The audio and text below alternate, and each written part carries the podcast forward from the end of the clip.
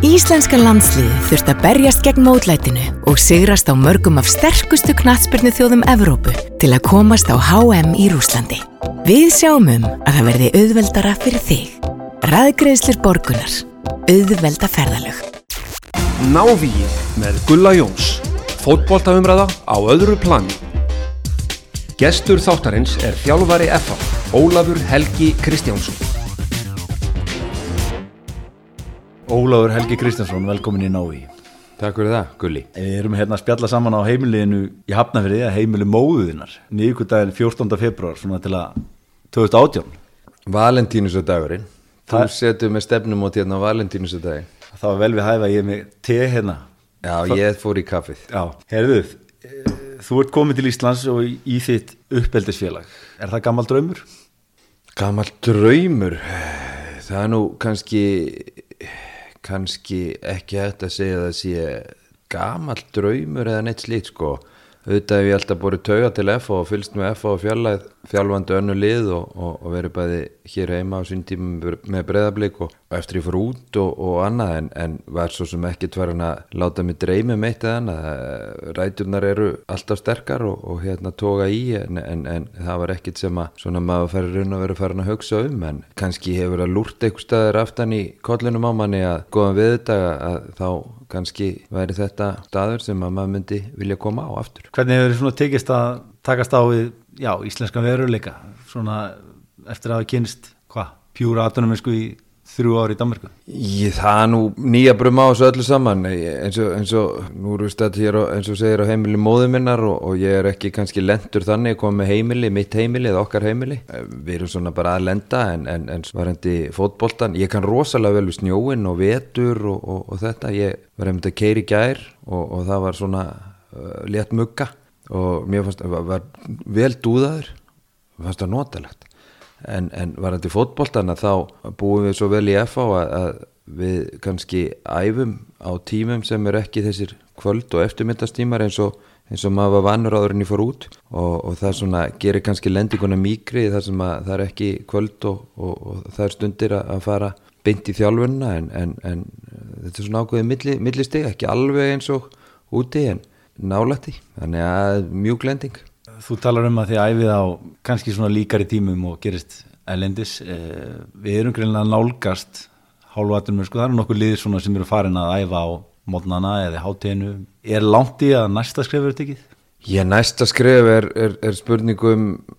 um, um auðvitað aðstöðu og, og auðvitað einhvers konar eh, kemur þetta blessaða fjármagn einhvers stað þar að því að strákarnir sem eru að æfa eru auðvitað í vinnu og, og, og skóla og öðru slíku með flestir. Einhverjir eru náttúrulega hér og, og, og gera lítið annað, kannski helst útlendingarnir. Og sem eru þó orðnir svona hálfur íslendingar og, og vilja vinna eins og Gunnar Nílsen, hún er við skaman að vinna, það er jákvæmt Ég, ég þóra ekki að setja tíma á það en, en það sem að það gerir að meistaraflokkurinn hjá FH er að æfa á öðrum tímum. Þannig að léttir á því að þá geta yngri flokkar eftir á, á, á tímum sem að meistaraflokkarnir hafa verið að taka upp. Þannig að það er jákvæmt gagvart yngri flokkastærfunu svo komum við að þessum blessuð greiðslum og, og peningum sem að menn eru oft feimlir að tala um. Að, í FH er það þannig að menn gera ágætlega við sína leikmenn en eiga þau jáfnframt forgang á tíma þeirra sem gerir það kleifta að hafa æfingarnir á tímum þar sem að við getum ætlast til þess að menn færa úr vinnu eða, eða slíku til þess að stunda æfingarnar. Þriði þátturinn er kannski að svona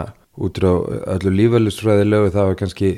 heppilegra og venlegra til árangurs að æfa á tímum þar sem að er klárar í, í átökhaldur en að gera það eftir langa vinnuða skóladag. En þú merkir að he- þessu stóra breytingu síðan þú fórst út, hvað er fjögur ár síðan? Já, já. 2014 Já. já, já, það er klálega breyting og þetta er já fleiri fjölögum í, í svona mismiklu mæli og kannski eiksti við sumatíman en, en, en, en klárlega breyting og, og svona eitt, eitt lítið skref í, í áttina því að, að umhverfið verði svipa því sem við þekkjum í, í Skandinavíu Þú er aðeins verið umræðinu núna undarfærið um, um, um deildabyggarinn, lengjubyggarinn. Eh, er svo sem ekki að taka þá umræðu núna en, en ég spyr hins vegar, þarf að lengja Íslasmótið klálega, ég held að sé allir sammála um það. Hvernig, í stuttumáli, hvernig sér það að ganga upp? Já, fyrsta lagi þá er það mín skoðun að, að við þurfum að, að lengja tímabölu og fá fleiri leiki og, og tegja þetta yfir lengri tíma. það eru auðvitað aðstæði sem að kannski spil inn í eins og, og veðufar og, og keppnisæðst og annað sem að eru auðvitað öðruvísi okkur heldur en, heldur en við þekkjum e, í, í löndum þar sem er lengra tímabil. Bjarni Jóhansson kom með fína tilóður e, í kjálfara á, á þessum umhælum mínum e, sem að er verðt að skoða líka en, en ég held að bara almennt séð að við ætlum að vera samkjöfnisæf hæfir í kallagnáspunni að þá þurfum við að fá fleiri leiki sem skipta máli og, og, og stærra mót því að, að þetta er svolítið mínimót hjá okkur núna en mjög sérmærandi mót. Það er kannski þannig að við þurfum að gefa pinlitin afslátt af því að ef við ætlum að byrja fyrr að þá spilum við eitthvað á leikjanum okkar á kannski völlum með aðstöðu sem að er ekki eins og hún er á, á flestum völlum yfir sumatíman en, en þá verður það að vera í þeim tilgangi að, að það er í forgangi að, að lengja mótið og, og, og kannski taka þetta í svona einhverjum hægum skrefum þannig að smátt og smátt nálgust við e, það að lengja þetta. Bara eitt dæmi er að þegar Danir ákveða að gera, gerast atvinnumenni í, í fótbolta í eftir deilt þá fannst mennum það bara vera algjör glabræð en það voru stóruða menn sem að ákveða að umbylta þessu þar á, á sínum tíma. Og það hefur tekið, tekið tíma að, að gera aðstöðu og annað. Já eins og hún er í dag en, en ef það er ekki einhverju sem að ganga undan og, og, og hugsa aðeins út í bóksið þá, þá færum við okkur ekki neitt. Og þá er náttúrulega óhjákamilegt að, að einhver lið náttúrulega þurfa að spila eða blekja heimavalli og, og, og ég vil þá gefa afstátt á, á þessum húsu sem eru. Já, já, til dæmis eh, hjá FH er ekki, ekki höll eða, eða gerugrað sem, sem að er uh, hæft til kefni 11-11 á stóru velli en, en þá eruðum við bara einhvern veginn að saminast um það að hvort að veri spilað í einhverju af höllunum eða hjá nágranna félögum á, á gerugraðs úti eftir aðstöð, að, að, aðstæð að gefa afslátt af því. Nú er náttúrulega þetta bósmót sem er núna í haust, það er búið, fókbalta.net mótið er búið og þú nú spilaðið fyrsta leiki deildabikar og menn horfa á gengið. Það er átta leikir í þessum mótum, tveir sigrar, eitt í aðtefli, fimm töp, átta mörg skoruð. Hefur ágjur af, af þessu gengi? Heyrðu, þú lokkaði mig hérna í þetta er skemmtilegt spjall. Um, áhegjur af genginu, einhverjir rifja það upp að hérna ég hef sagt að það skiptir, máli, alltaf, það skiptir alltaf máli að, að, að standa sér vel og, og svo fer maður og þegar, maður, þegar það gengur ekki vel og segir að úslit skiptir ekki máli og þetta við erum svona þjálfarar oft svona tölum eftir henduleika ég hef engar áhyggjur á meðan að það sem að við erum að gera menn ég sé að það eru einhverjar framfærir í því sem við erum að gera um, ég tek við liði sem að sem að var búið að vera í gegnum langan tíma um til frábæri stjórn, frábærs þjálfara og, og, og góðs vinnar. Þegar að kemur nýr þjálfari að, að þá eru er, er, er nýjar hugmyndir og nýjar áherslur og, og nýjir hlutir sem þarf að implementera. Nýjir hópur líka fyrir mig að vinna með þannig að ég þarf að kynast honum. Og mér fannst og finnst bara nöðsynlegt að rugga bátnum aðeins og gera það bæði með því að komi mínar aðferðir í þjálfun koma með mínar hugmyndur um hvernig ég vil spila, breyta aðeins leikskipuleginu svo að það verði ákveðin skil á milli og þó að halda fast í þá svona þann góða kúltúr og góður hluti sem að, sem hafa verið byggður upp. Þannig að FH er stórt félag með, með, með mikla sigur hefur núna á síðustu síðustu 10-12 árum. Það er, þú snýrið ekkert ólíðskipi við að búntinum en kannski snúiði við það kannski að, að kursin verði aðeins annar en, en í átt að sömu, sömu markmið þannig að svo, á meðan ég sé að það er eitthvað bætingar á meðan ég sé að, að hérna, það sem við gerum á æfingum er að fara rétt átt að þá hef ég fulla trú á því að úslitin munu, munu skila sér að lokum. Þá er það hlutur þjálfurans að, að halda bæði leikmönnum og öllum, öllum rólum og svona fá meðal að trúa því að við séum að fari, fari rétt átt. En, en klárlega hlutir sem að, sem að hafa ekki verið nógu góðir og meðal annars við skorum að fá mörg við e, fáum ómikið mörgum á okkur e, þegar að, að við höfum verið með boltan framalega á vellinum. Það spila flestlið þannig á mót okkur og þeir leggjast tilbaka. Þannig að við þurfum að bæta það að geta opna þjættar varnir og við þurfum líka að bæta það að e, geta varist því varist stórum velli ef maður getur sagt um svo það er að segja opnum velli. Svo hafa verið breytingar á, á leikmannhóp uh, mér hefur þótt rétt að grísja það eru nokkri leikmenn sem að hafa sagt bless í FH leikmenn sem að hafa skila góðu, góðu starfi. Eh, Böðvar vinstri bakur til Pólans Kassin Dumbia farinn, tveir þarna á varnalínu Bergsveit Nólásson fór í, fór í fjölni Guðmundur Karl í fjölni sem leðis þarna voru fjóri sem að spiluðu svolítið mikið í varnalínu þannig að það er ný, ný varnalína það eru konar leikminn inn. Þannig að svona mín pæling er að skapa, skapa nýja dýnamík og, og, og byggja upp hjá FH en, en, en byggt á, á sögum gildum og, og svipiðum hefðum. Ég ætla að koma síðar að, að næsta sumri og FH-liðinu 2018 en, en fara kannski í smá nostalgíu. Þú ert út fættur 68 óli og þú ert 17 ára þú spilaði þérna fyrstu alvöru meistarósleiki, ekki rétt, sumarið 85 hvernig minnustu svona þína fyrstu skrefa í, í meistarósbóltanum? Já, það, það er rétt þetta, þetta er rosalega hérna, long time ago eins og eitthvað myndi segja ég minnist þess, þeirra þannig að koma upp í meistarlokkin 84, hausti 84 svona að æfa ég og Leo Garðarsson, góðvinni minn kvörubaldadómar í skólastjóri og stórt talent í íþróttum á, á yngri árum og kom ótalegi kjóklingar hérna upp og, og æfðu með meistarlokki og, og æfum hérna Ingi Björn Albertsson er að þjálfa og kom inn í, inn í svona bæði fullorðin hóp það eru miklu nestorar eins og Viðar Haldarsson, Óláð Danivalsson legend í Hafnafyrði eh, yngri leikmenn Jóneli Ragnásson Magnús Pálsson, Guðmundur Hilmarsson bladamæður, skemmtilegan hóp og það var náttúrulega sama alvaran í þessu þá eins og er í dag. Æfum hérna með og ég man að ef ég man rétt þá spila ég fyrsta leiki minn með FH kem inn á þú ert nú meiri sögu grúskari ég held ég 17. mæ í mæ 1985 á móti Víði í Garði á mölinni þar það var einn af fyrstu leikjónum það var ekki verið 17. mæ það hefur verið þarna miða mæ á Malavelli í Garðinu og það voru fyrstu, fyrstu skrifin í meistarflokki og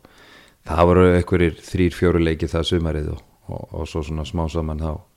þá kom þetta. Hvernig leikmaður varstu þarna, svona í byrju tímbilsis eða geti, geti fengið til, a, til að lýsa því? Ég var svona ótalegu kvolpur örgla, ég var svona hafði svona þeirra tíma mælikvara held ég ágætis, ágætis líkansbúri, þróskaðist nú svona nokkuð, nokkuð snemma þar að segja líkanlega þó kannski maður hafa ekki þróskast mikið á hinnusuðinu. Gat alveg verið með, fannstu ég öruglega að vera betra en ég raunverulega var eins og títar með unga menn? E, það var nú ekki komin þessi áherslu til dæmis á líkanstjálfun svona styrtaþjálfun og annað var rétt að koma inn. Við hlupu mikið, það voru 10 km hlaup og, og fyrir, fyrir fókbaltaæfinga jáfnvel ef, að hægt var að hefa fókbalta innan fókbalta gætna ég held ég að svona almennt séð bara verið svona það sem, það sem ég vantaði kannski hraða á öðru slíku held ég að ég hafi svona kompenserað með, með ágættist fótbolta leikskilningi og, og, og þokkalari tekni Varst, og ert örfættur, varstu strax orðin bakverður? Nei, ég, ég spilaði kannski svona bæði í yngri flokkum, öðrum flokki, þriðaflokki þá spilaði ég nú í þriðaflokki manni ég spilaði inn á miðju. Uh, svo á þessum tíma vorum, vorum við að spila kannski með, með vingbakka svo kalla uh, þar var ég aðeins uh, líka. Var svona meiri miðjumæður var ekkert sérstaklega varnamæður en, en, en það svona hægt og bítandi kom inn að þegar kannski þegar kannski menn fóru svona að skoða hvað eru best að nota þennan gutta þarna þá segi hægt og rólega aftur í bakurinn. Gengið hjá FH þarna á þessum árum er svona upp og niður því fallið 1987 Óli Jó tekur við liðinu og stýrir, stýrir þau upp í eftir deild 88 89 þá eru þau bara í döðafæri að vinna titilinn. Þau eigi fylki á heimavalli manntilega búið rífið þetta nokkur sem upp og þeir eru að berast þér í falli ykkur duði sigur en þeir tapið 1-2 og títillin fór til káa hvernig horfur á þennan þyljar í dag? Já, bara eins og segir að við vorum svona kannski spútniklið á samt káa uh, tímabilsins aðna, það voru félug með gríðalega sterkar leikmann að hoppa framann í um, valur og þau misti þessu kannski í mótunu þetta sömarið og, og F og káa heldur svona áfram að, að hérna matla, matla einn stigum. Þetta, þetta var ekki mörg, mörg stig sem að held ég að hafi verið til sigurverans lágur lá, stigafjöldi. Ég einhvern veginn kannski svona trúðu með því ekki alveg innst inni að, hérna, þetta væri að vera veruleika og kunnu ekki að stíga þetta skref. Eh, eins og segir, FH hafði aldrei verið í neinskona titilbaráttu falli 87 Óli Jóteku við 88 við vinnum fyrstdeldina gömlu eh, hérna með, með nokkrum yfirbörðum eh, 89 beint upp eigum eiginlega fáranlegt sumar. Uh, og, og svona komist yfir í þessum leikámati fylki eftir fjóra mínútur. Og svo tekur bara við atbörðar sem að já, fyrsta skipti og svona eina það sem að maður bara grét eftir fótballtaleik það var einhvern veginn svona surrealistisk en svona þegar ég hugsa tilbaka þá og, og svona um eigin framistöðu ég veit ekki, getur svo sem ekki tala fyrir aðra þá, þá, þá var svona tilfinninga því að maður hafa verið svona hálfgjörlega lamaður í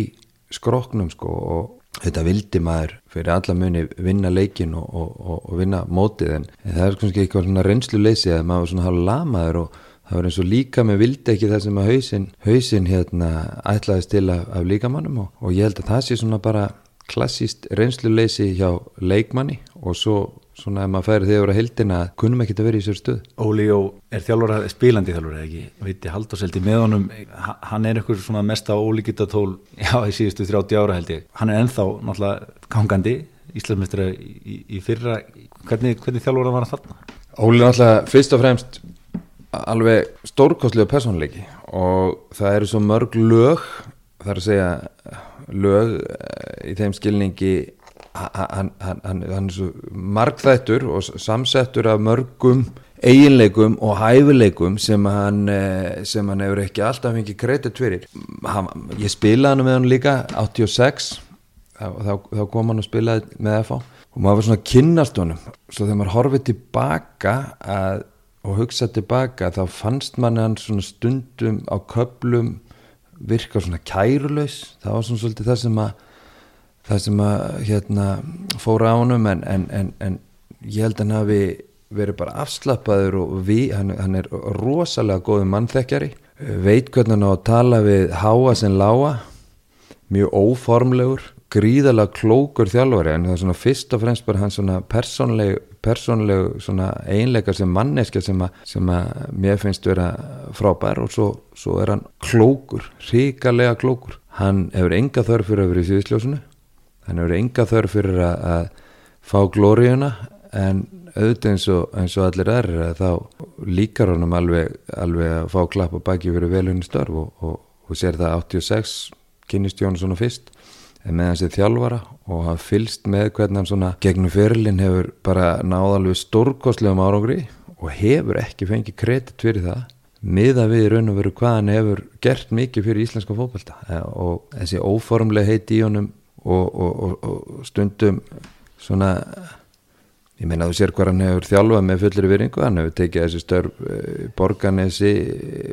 einherri á vopna fyrir þau ungur þjálfað Selfossi. Ír, hann hefur farið við hann völl og yfirleitt tekið bara þessi verkefni sem að honu þótti aðlægand og skemmtileg og, og það er, kemur upp í hugan, það er, það er ekki til snopp í Ólafi Jóhannesinni. Það er svo fyrstu 20 ára þá er hann bara einhverju skugg það er einhverju, fær einhvern veginn aldrei krediti fyrir kannski fyrst þegar hann vinnur titilin með að fá Nei, en, en fyrir mér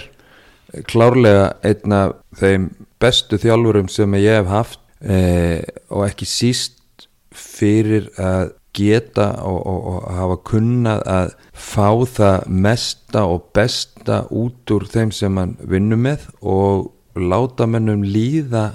vel að spila fókbalta og hafa gaman Við hoppum yfir nokkur ár. Eh, F-fálið nær flottum árangri 93-94 reyndar eru yfirbyrju skagans miklir 93 en 94 er liðaðins þremstíðum frá sigri dildinni mannstu hvað vant að upp á þar? Ekki bara betri leikmenn eins og alltaf. 93 og 94 voru svona ævintur ára að hérna Hörður Hilmarsson tekur við liðinu 93 kom með mjög feska vinda og líka þjálfari sem að sem var mjög gaman að vinna með. Við höfum svona verið í byggarúltum hérna með Óla eh, 91 ef maður rétt töfum þar fyrir val. Þetta var svona næstum því. Eh, síðan 93 tekur hörðu við liðin og við svona eins og segir töfum ef maður rétt tveimur leikjum motið skaganum heim og heimann með, með stórum mun. Held að það eru 5-1 í báðan leikjum eitthvað svo leiðis það var allavega skellir. Eh, svo 94 að þá byggjum við svolítið ofan á, á þetta 93 ár og, og, og þá kannski var komið svona aðeins með reynsli lið og vorum eins og segir nálægt í að, að hérna, taka þann stóra. En, en með minnir að við höfum spilað á mjög fáin leikmennum og, og kannski hópurinn ekki mjög breyður og það má oft lítið út að, út að bera. Og kannski svona vanta þess að eins og stundum þess að dýft í hópin til þess að fara allar leið. Aðeins með landsliðið, þú hérna leikur held ég að við tekið eftir einn alvöru landslík í riðilegkjöfni EM en þetta eru alls 14 eh, landslíkir þú horfum tilbaka, ertu ósattur að hafa ekki spilað fleiri allandslíki? Mm, já, ósattur, ég held maður geti ekki verið ósattur við að hafa spilað ekki spilað fleiri leiki, ég held kannski ég hef bara fengið þá leiki sem ég átti skili ég hef bara, það voru aðri sem voru betri og þjálfarinn valdi valdi menn sem hann hérna taldi að hendu verkefninu betur kannski þess að ég, þegar ég hugsaði tilbaka þá kannski svona, kakvart sjálfuð mér þá kannski hefði ég mátt hafa aðeins mér trú á mér uh, í, í sambandi við það að, að svona láta meira til mín taka og ég var svona ég, ég, ég gríðarlega mikla svona ábyrgatilfinningu uh, og, og, og, og kannski svona egoistisk hug, hugsun varðandi sjálfa mig hefði kannski stundum geta hjálpað að, að, að svona til þess að hvað við segja, kannski taka meira skarið og, og það hefði kannski geta leitt til einhvers meira en ég held að ég var svona í eins og segir einn leikur í, í reyðleikjafni, ég var oft með í hóp og kom ekki inn á, spilaði þessar svona æfingarleiki og, og annað sem að, sem að voru ekki eins margið þá eins og eru núna. En, en, en ég held að ég hafa alveg fengið þann fjölda landsleika sem að svona mínir hæfileikar og, og, og kannski með tilliti þess hverjir, hverjir voru þeim stöðum sem ég spilaði að þeir voru bara betri. 95 þá, þá fellur F-liðið, e, þú ákveður eftir það tímbila eða um veturinn að, að, að söðlum og, og fari káer og þegar ég fletti tilbaka þá reyndist þetta að vera frekar umdild félagskipti, þú er 28 ára þarna og þú er samningsbundin FH og ég las að FH vildi fá 1 miljón króna Káur var tilbúið að greiða 350.000 krónur sangant stuðli í KSI en niðurstaðan 15. massa er að Káur greiði 625.000 krónur heilar fyrir Óla Kristjánsson og var það, já, upplöfur um mikla breytingu að fara í Káur frá FA hef, Hefur regnað þetta nú verið? um, já, ég get alveg skilið það að þetta hefur undelt félagskipti og, og kannski nefndi á þann að þetta með svona egoistískan þangagang að þá tók ég á, á, á, á þessum tíma í fyrsta skipti að, að, að, að ég er best veit, best veit ákvörðun sem að var egoistisk þar að segja að það var eins og umdelt fælst í því að ég hef verið í FH í ansið langa tíma, þetta eru þá þarna þessum tíma tíu ár, ég var fyrirliði liðsins liði fjell og það var svona ákveði hérna vakum þetta haust. Ég beð svolítið eftir því að, að það eru gengið frá þjálfarraðningu og, og svona hvað er því leikmannamálum, hvernig hópurinn er því og mér fannst ég bara að vera á þeim stað á, mínum fótballtaferli að, að hérna, ég þyrti að hugsun um sjálf á mig. Og það voru mikil átök. Við, við Þóri heiti Jónsson, góðvinn minn og, sem var formaður og, og, ekki síst Jón Rúnar Haldarsson sem er ennþá eh, núna minn formaður og það var breyting að því leiti á að ég var að koma úr fjölaði sem að í fyrsta lagi var mitt uppeldisfjöla og, og ég var í svona kannski þekkti allt og alla eh, fjölaði sem að var þá að falla yfir í K.R. sem að er og var og er uh, stórt fjölag og þekkti engan og gríðalega góðu leikmannhópur Luka Kostik að taka við og, og, og það var svona undiralda. Þannig að, að svona fyrir mig og minn feril sem fókbaltamæður að þá, þá var þetta góð ákvörun ég þurfti að hafa fyrir hlutunum og, og, og komin í hóp sem, að, sem var mjög góður og, og ég sé ekki eftir því. Ég held að svona ekki að reyfi upp því voru, voru nála þessu. Já, þú ert að, þú, núna ertu búin að tala sko um F á fyrst og svo, svo núna aftur K.R. og þú ert að reyna að koma skaganum aftur að Já, ég meina, þetta er þitt, þitt, þitt heila tímambil, þú spilar ekki heilt tímambil ári eftir, þannig að, þannig að hérna, en þið voru með gríðilega gott lið eins og segir, var, var þetta, þetta stórstök fyrir að, að, að fara í raun og veru í lið sem að þurfti virkilega fyrir að komast í byrjunlið?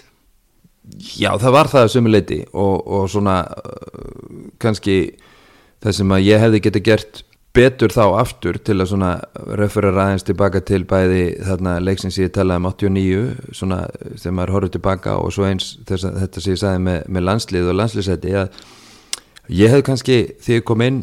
sérstaklega þarna strax og fyrra árið ég hef mátt vera miklu frekari ég, er, á góðum aldri sem fókbaltamæður láta meira tíminn taka, ég man að heimir sagði ekkert í hann Heimi Guðjónsson sagði við mig, við spilum saman þetta að hérna það er ekkert víst að hann munið en, en það sittur svolítið í mér að, þeim fannst honum fannst allavega að fá, fá mig. Það var, það var svona gott, ég var á góðum aldri og það hefði verið fyrirliði og, og, og já, FA og, og ég hefði kannski mátt sko rífa eins meiri kæft inn að geðsalöpa þar að segja að, að, svona til til að líka reyka menn svolítið áfram. Því að tímabilið náttúrulega var gott þángar til að svona í restina þá aðeins mistu, mistu dampin og töpun alltaf tillinum hérna í síðasta leika upp á skaga sem að ég kom núna inn fyrir því, þurftir ekki að koma skaganum að. Takk fyrir. Og e, svona já það, það, var, það var stökk, það var samkeppni og, og maður þurfti alltaf að sína sig og sanna en, en svona varandi svona leiðtöðalutverki þá kannski eftir á heikja hefði svona geta kannski bæti ykkur um 5-7% við Árið eftir 97 þá, þá hérna ákveður þú að fara til Danmarkur og, og missir af lokaumfrunum hvað hva, hva, hérna varst að vera í skóla eða hvað hva, gekk á? Já, það var svona 97 var ákveð umbrót ár hjá, hjá K.R. að hérna við höfum svona lúka aftur kostig með, með lið og, og kannski timbumenn eftir, eftir að hafa mistið til hann 96 K.R. og búið að býða lengi til tilli Eh, byrjuðum mótið ekkert, ekkert rosalega vel eh, og meðan fóru á taugum og, og letið þjálfur að fara og sem að mér fannst mjög umdelt er, er enn en á þeirri skoðun. En, en svona er þetta stjórn, stjórnin og stjórnir, stjórnir, stjórnir ráða tímabili verð endasleft ég og fyrirhundu kona mín höfðum ákveðið að, að hún var að fara framhalsnámi í, í sálfræði í, til Danmarkur og kom svona þannig séð óvend upp. Ég ákvaði að fylgja með og, og komst að samkommulegi við gáður um að fara þarna eins fyrir út um haustið og með fjölskylduna voru með, með einn strák uh, elsta svon minn og flytast búferlum uh, og, og það var svo ekki gengi frá neinu öðru en að það var alltaf möguleik að kemi aftur. Ég fyrir svo æfið þarna með skrámirindar í hérna Handelshauðskólinn eða Orhus Business School eins og það heitir á ennsku Handelshauðskólinn í Orhus og, og ætlaði svona kannski að, að sjá hvort það væri aðrir, aðrir, aðrir vegir í lífunu heldur en bara sportið. E, fæ svo að æfa með AGF banka er og veru bara upp á þar og spyr hvort ég með að æfa kynni mig og, og segist að spila þetta með lið á Íslandi og tímabili sé ekki búið hvort ég sé lægi haldið mig svona í standi. Fæ að gera það og svo hægt og rólega leiti eitt af öðru. Þeir voru í meðslavandræðum og, og sáu kannski að það væri hægt að nota þarna einn snar örfættan á ákveldsaldri 29 ára. Og svona bjóði með samning sem að þurfti náttúrulega að klera með káver og, og, og ég fæði þarna stuttan þryggja mánuða samning fram á, fram á, fram á jólum. Og svo leiti bara eitt af öðru í því sambandi og ég ílendist í, í, í Damörku og í AGF Hvað, hérna, þeir eru úrvastild, eða ekki? Jú, jú. Og, og hérna, þetta væntalega myndi ekki gerast í dag. Nei, ég, þetta, var mjög sérstætt og, og ég vissi ekki alveg hvort ég ætlaði, hvort ég ætlaði myndi, hvort káringarnir myndi kalla mig heim í að leiki en í og með að það var svo sem ekki um neitt að spila hérna hjá káir á síðustu metrunum að það var óþarf að vera, vera að kalla, kalla mig heim og og uh, ég man að ég bankaði þarna upp á hjá ágættis góðum vinnum mínum í dag Petur Úðbæk sem er hjá Danska sambandinu og, og, og spyr hvort ég megi að æfa. Á þeim tíma komin, komin út bara námsmenn við þrjú. Kona mín fyrir hundi og, og elsti sonu segi og hérna þurfti að taka stræt á æfingu og ég man eftir því sko að, að þegar vorum að fara, ég vissi ekki hvert ég átt að fara hann í fyrsta skipti því ég var að fara að banka upp á kem, uh, tökum vittlösan vagn og, og erum konir á hinnenda bæjarins, kem og seint kem hann með sveittan skallan með hérna fimmara strák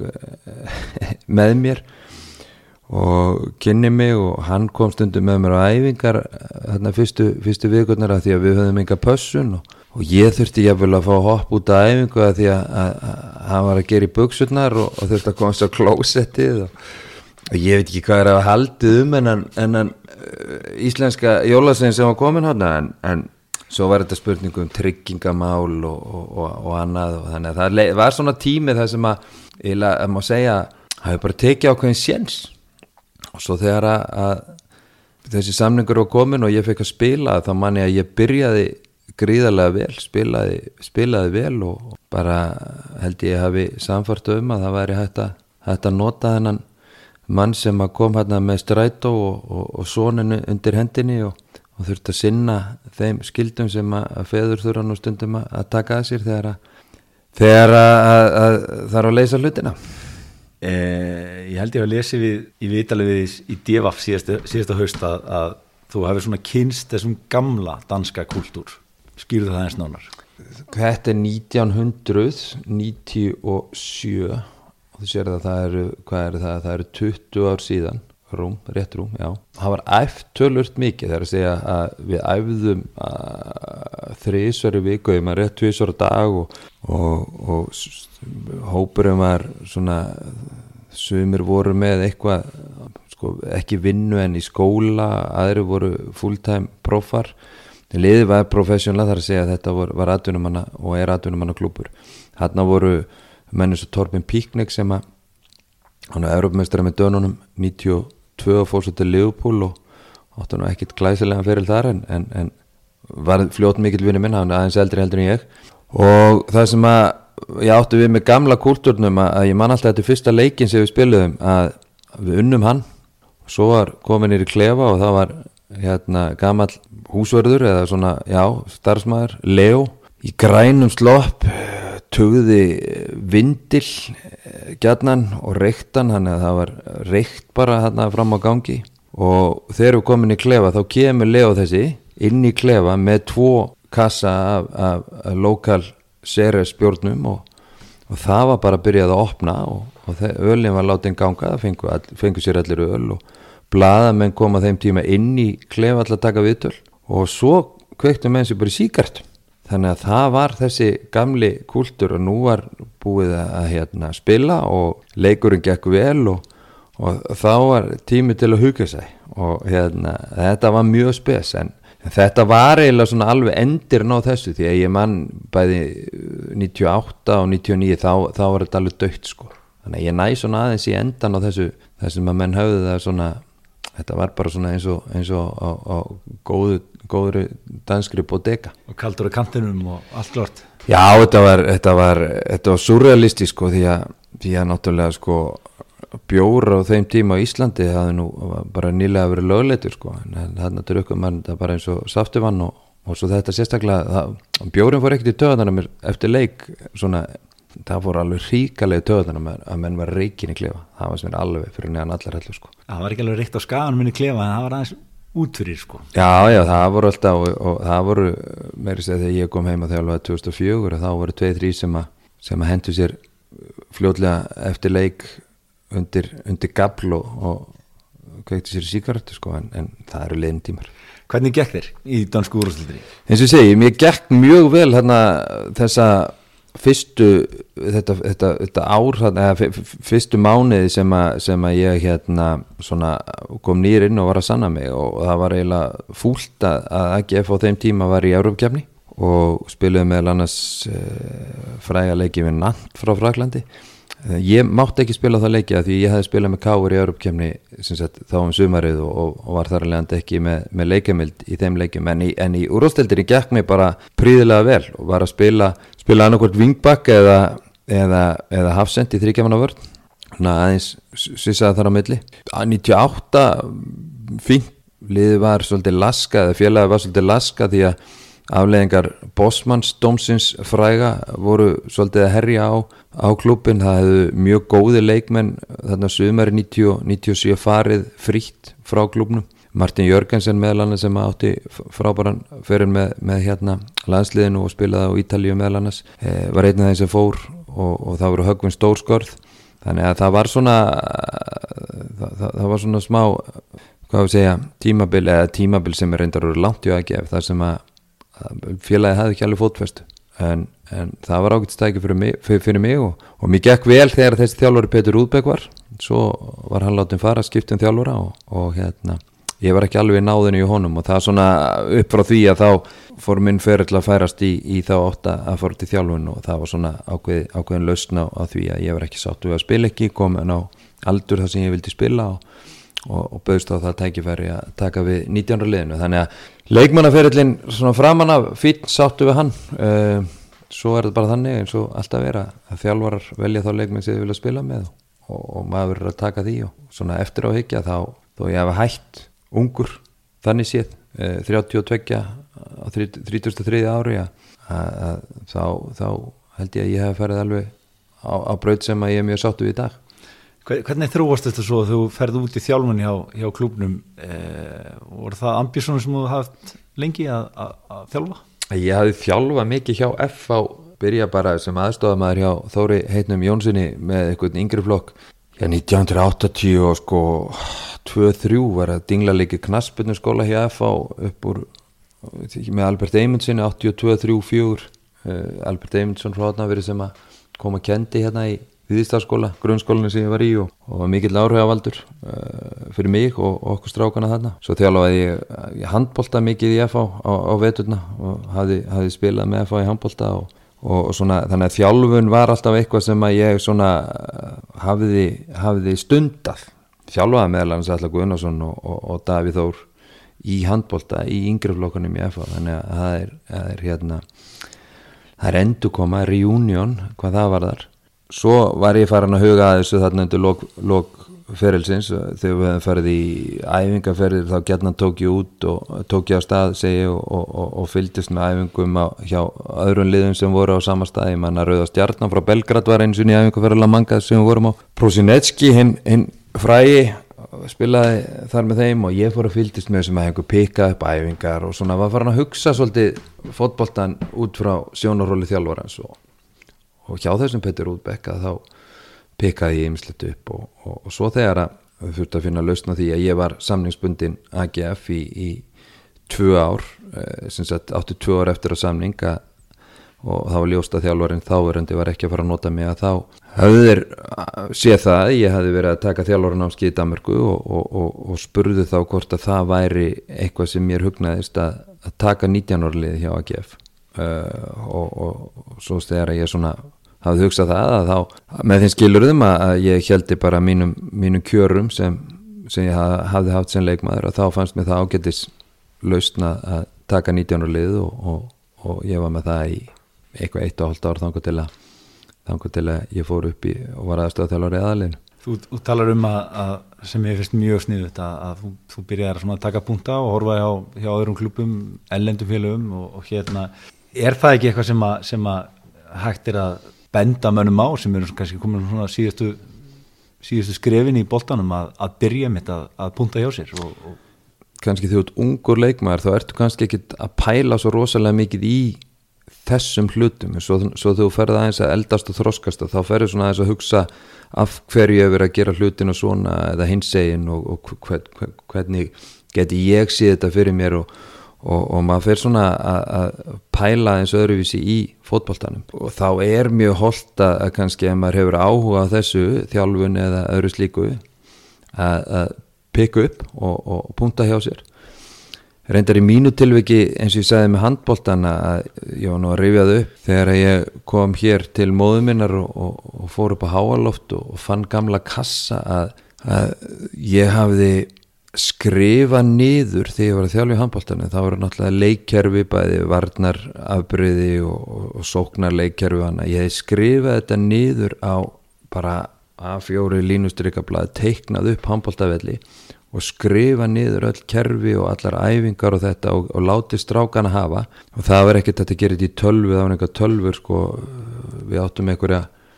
einhverja Apple tölvu sem að var held í 1K og svo þurfti svona floppy diska sko til að hérna, til að ef maður ætlaði að geima eitthvað. Þetta var allt skrifað niður handskrifað og, og, og svo ljósrita fengi að fara inn í einhvern skóla til að, að ljósrita. Og, og þarna strax er ég farin að sko vinna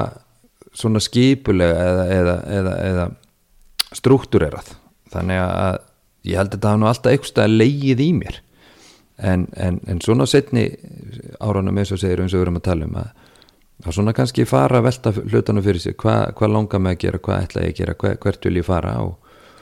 og, og, og það skiptur svo sem engur hvort þú ert komin á setni árið eða þú ert ungur þjálfari sem að hefur áhuga því að fara til þjálfuna að vera svolítið duglegur að fara og skoði kringu sig og fá að horfiður aukslina á, á reyndari mönnum og, og, og svona spurja, vera forviti En það þróast að þú verður þú, gerist aðstofþjálfari hjá AGF í, þá meistarflokki 2002 ert ég á Hans Petersen eða ekki? Og ári eftir uh, Sören Åkerby mm. sem er svíið eða ekki? Jó. og Ságægi hafi gert frábæra hluti með djurgórden tvö, ár tímabili hvernig, svona, hvernig var þetta skrið var þetta stórt á þessum tíma að, að verða allt í einu orðin þjálfari eða aðstofþjálfari á kannski strákun sem þú varst að spila með Ég, ég held ég hef ekki tætt bara tíma til að hugsa um það hvort það var stórt eða lítið eða erfitt eða ekki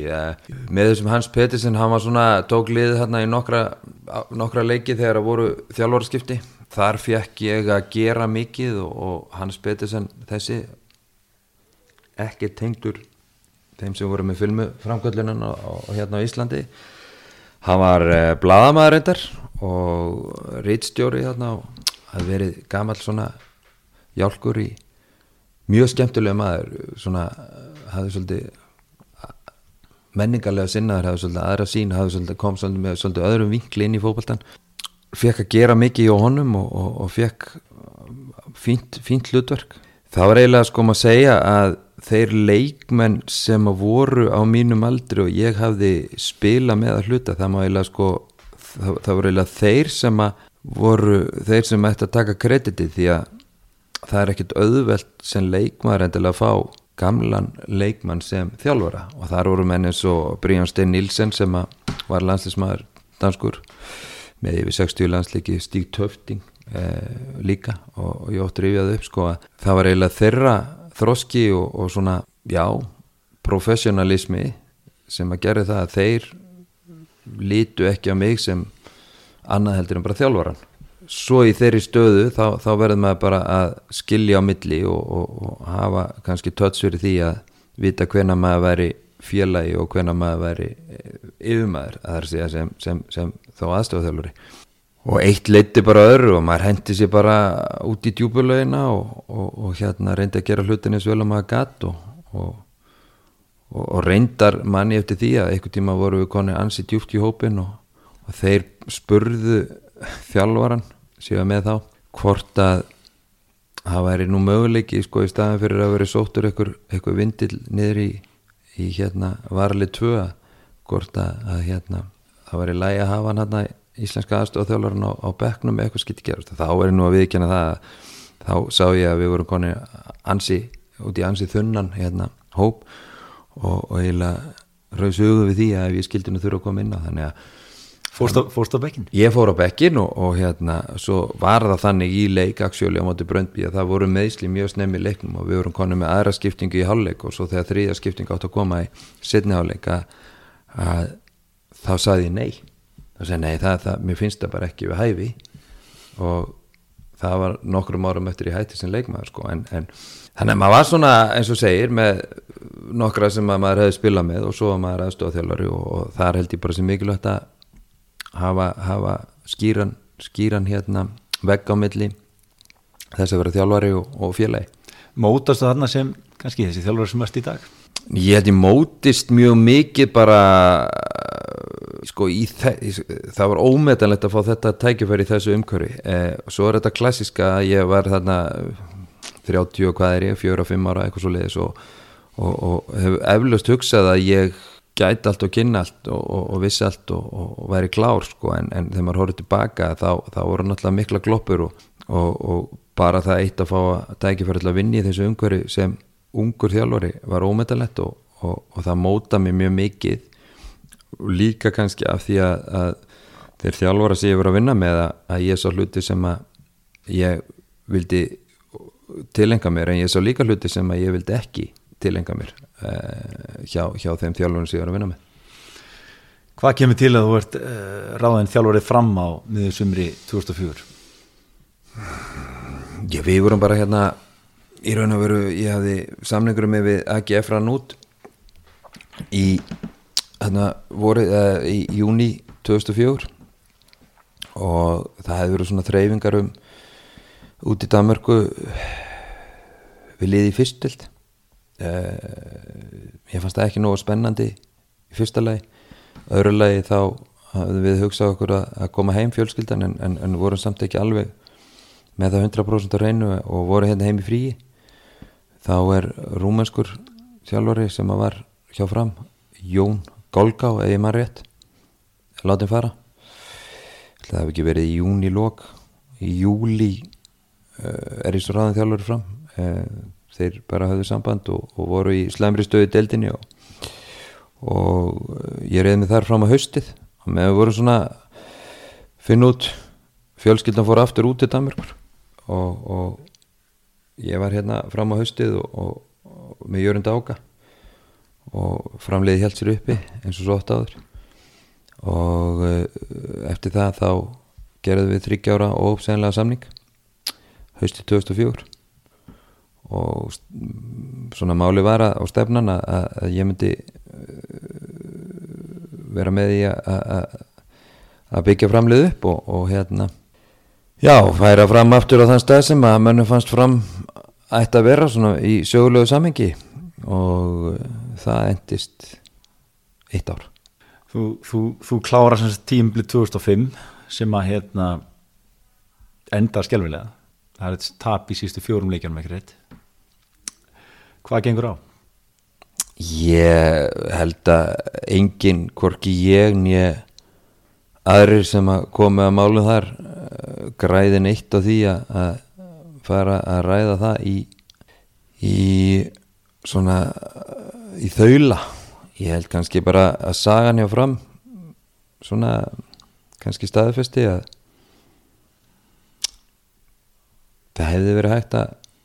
taka á mörgum málum öðru sem heldur um að tekið á en, en, en, sá tími var ekki góður og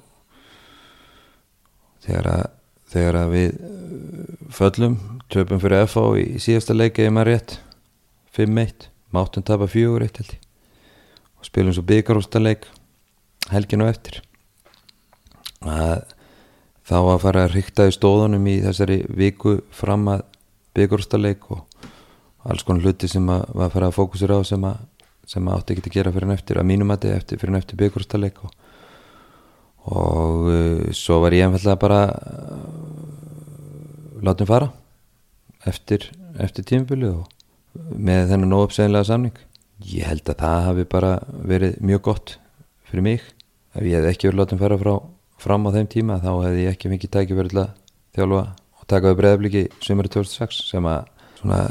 liftist nú öllum meira með brúnin því ræði það tímabil heldur en tímabilið fram. En þú er sagt að, að þú hafi korki lesið klúpin neð leikmennina rétt. Hvað áttu við þar? Sko, mín skoðin var svo að ef þú gerir sömu hlutin á þau og það er ekki bara mín skoðin en, en það er svona bara almennt sé að þú gerir hlutin á sama hátt og þau eru alltaf gert þá farið þú sömu niðurstöður alltaf fengið og fram hafði í gegnum mörg ár verið að bjarga sér á síðustu metrun ég vinst þannig sem þjálfur að ég horfi til lengri tíma uh, að sjálfsögðu þegar ég tegum fram 2004 að þá var staðan þannig að það var eins og svona að koma sem slökulismæður inn, inn í brennandi hús liði í fallbaröttu og, og, og bjarga því sem hættur að bjarga og reyna að halda því uppi. Þegar því svo var lokið þá kannski fóð maður að hugsa til lengri tíma og breytti kannski ákveðnum hlutum, ákveðnum áherslum sem að áttu að leiða til þess að maður gerði ekki sömu hluti og gerðir höfður áður eða svipaða hluti heldur með það fyrir augum að, að, byggja upp svona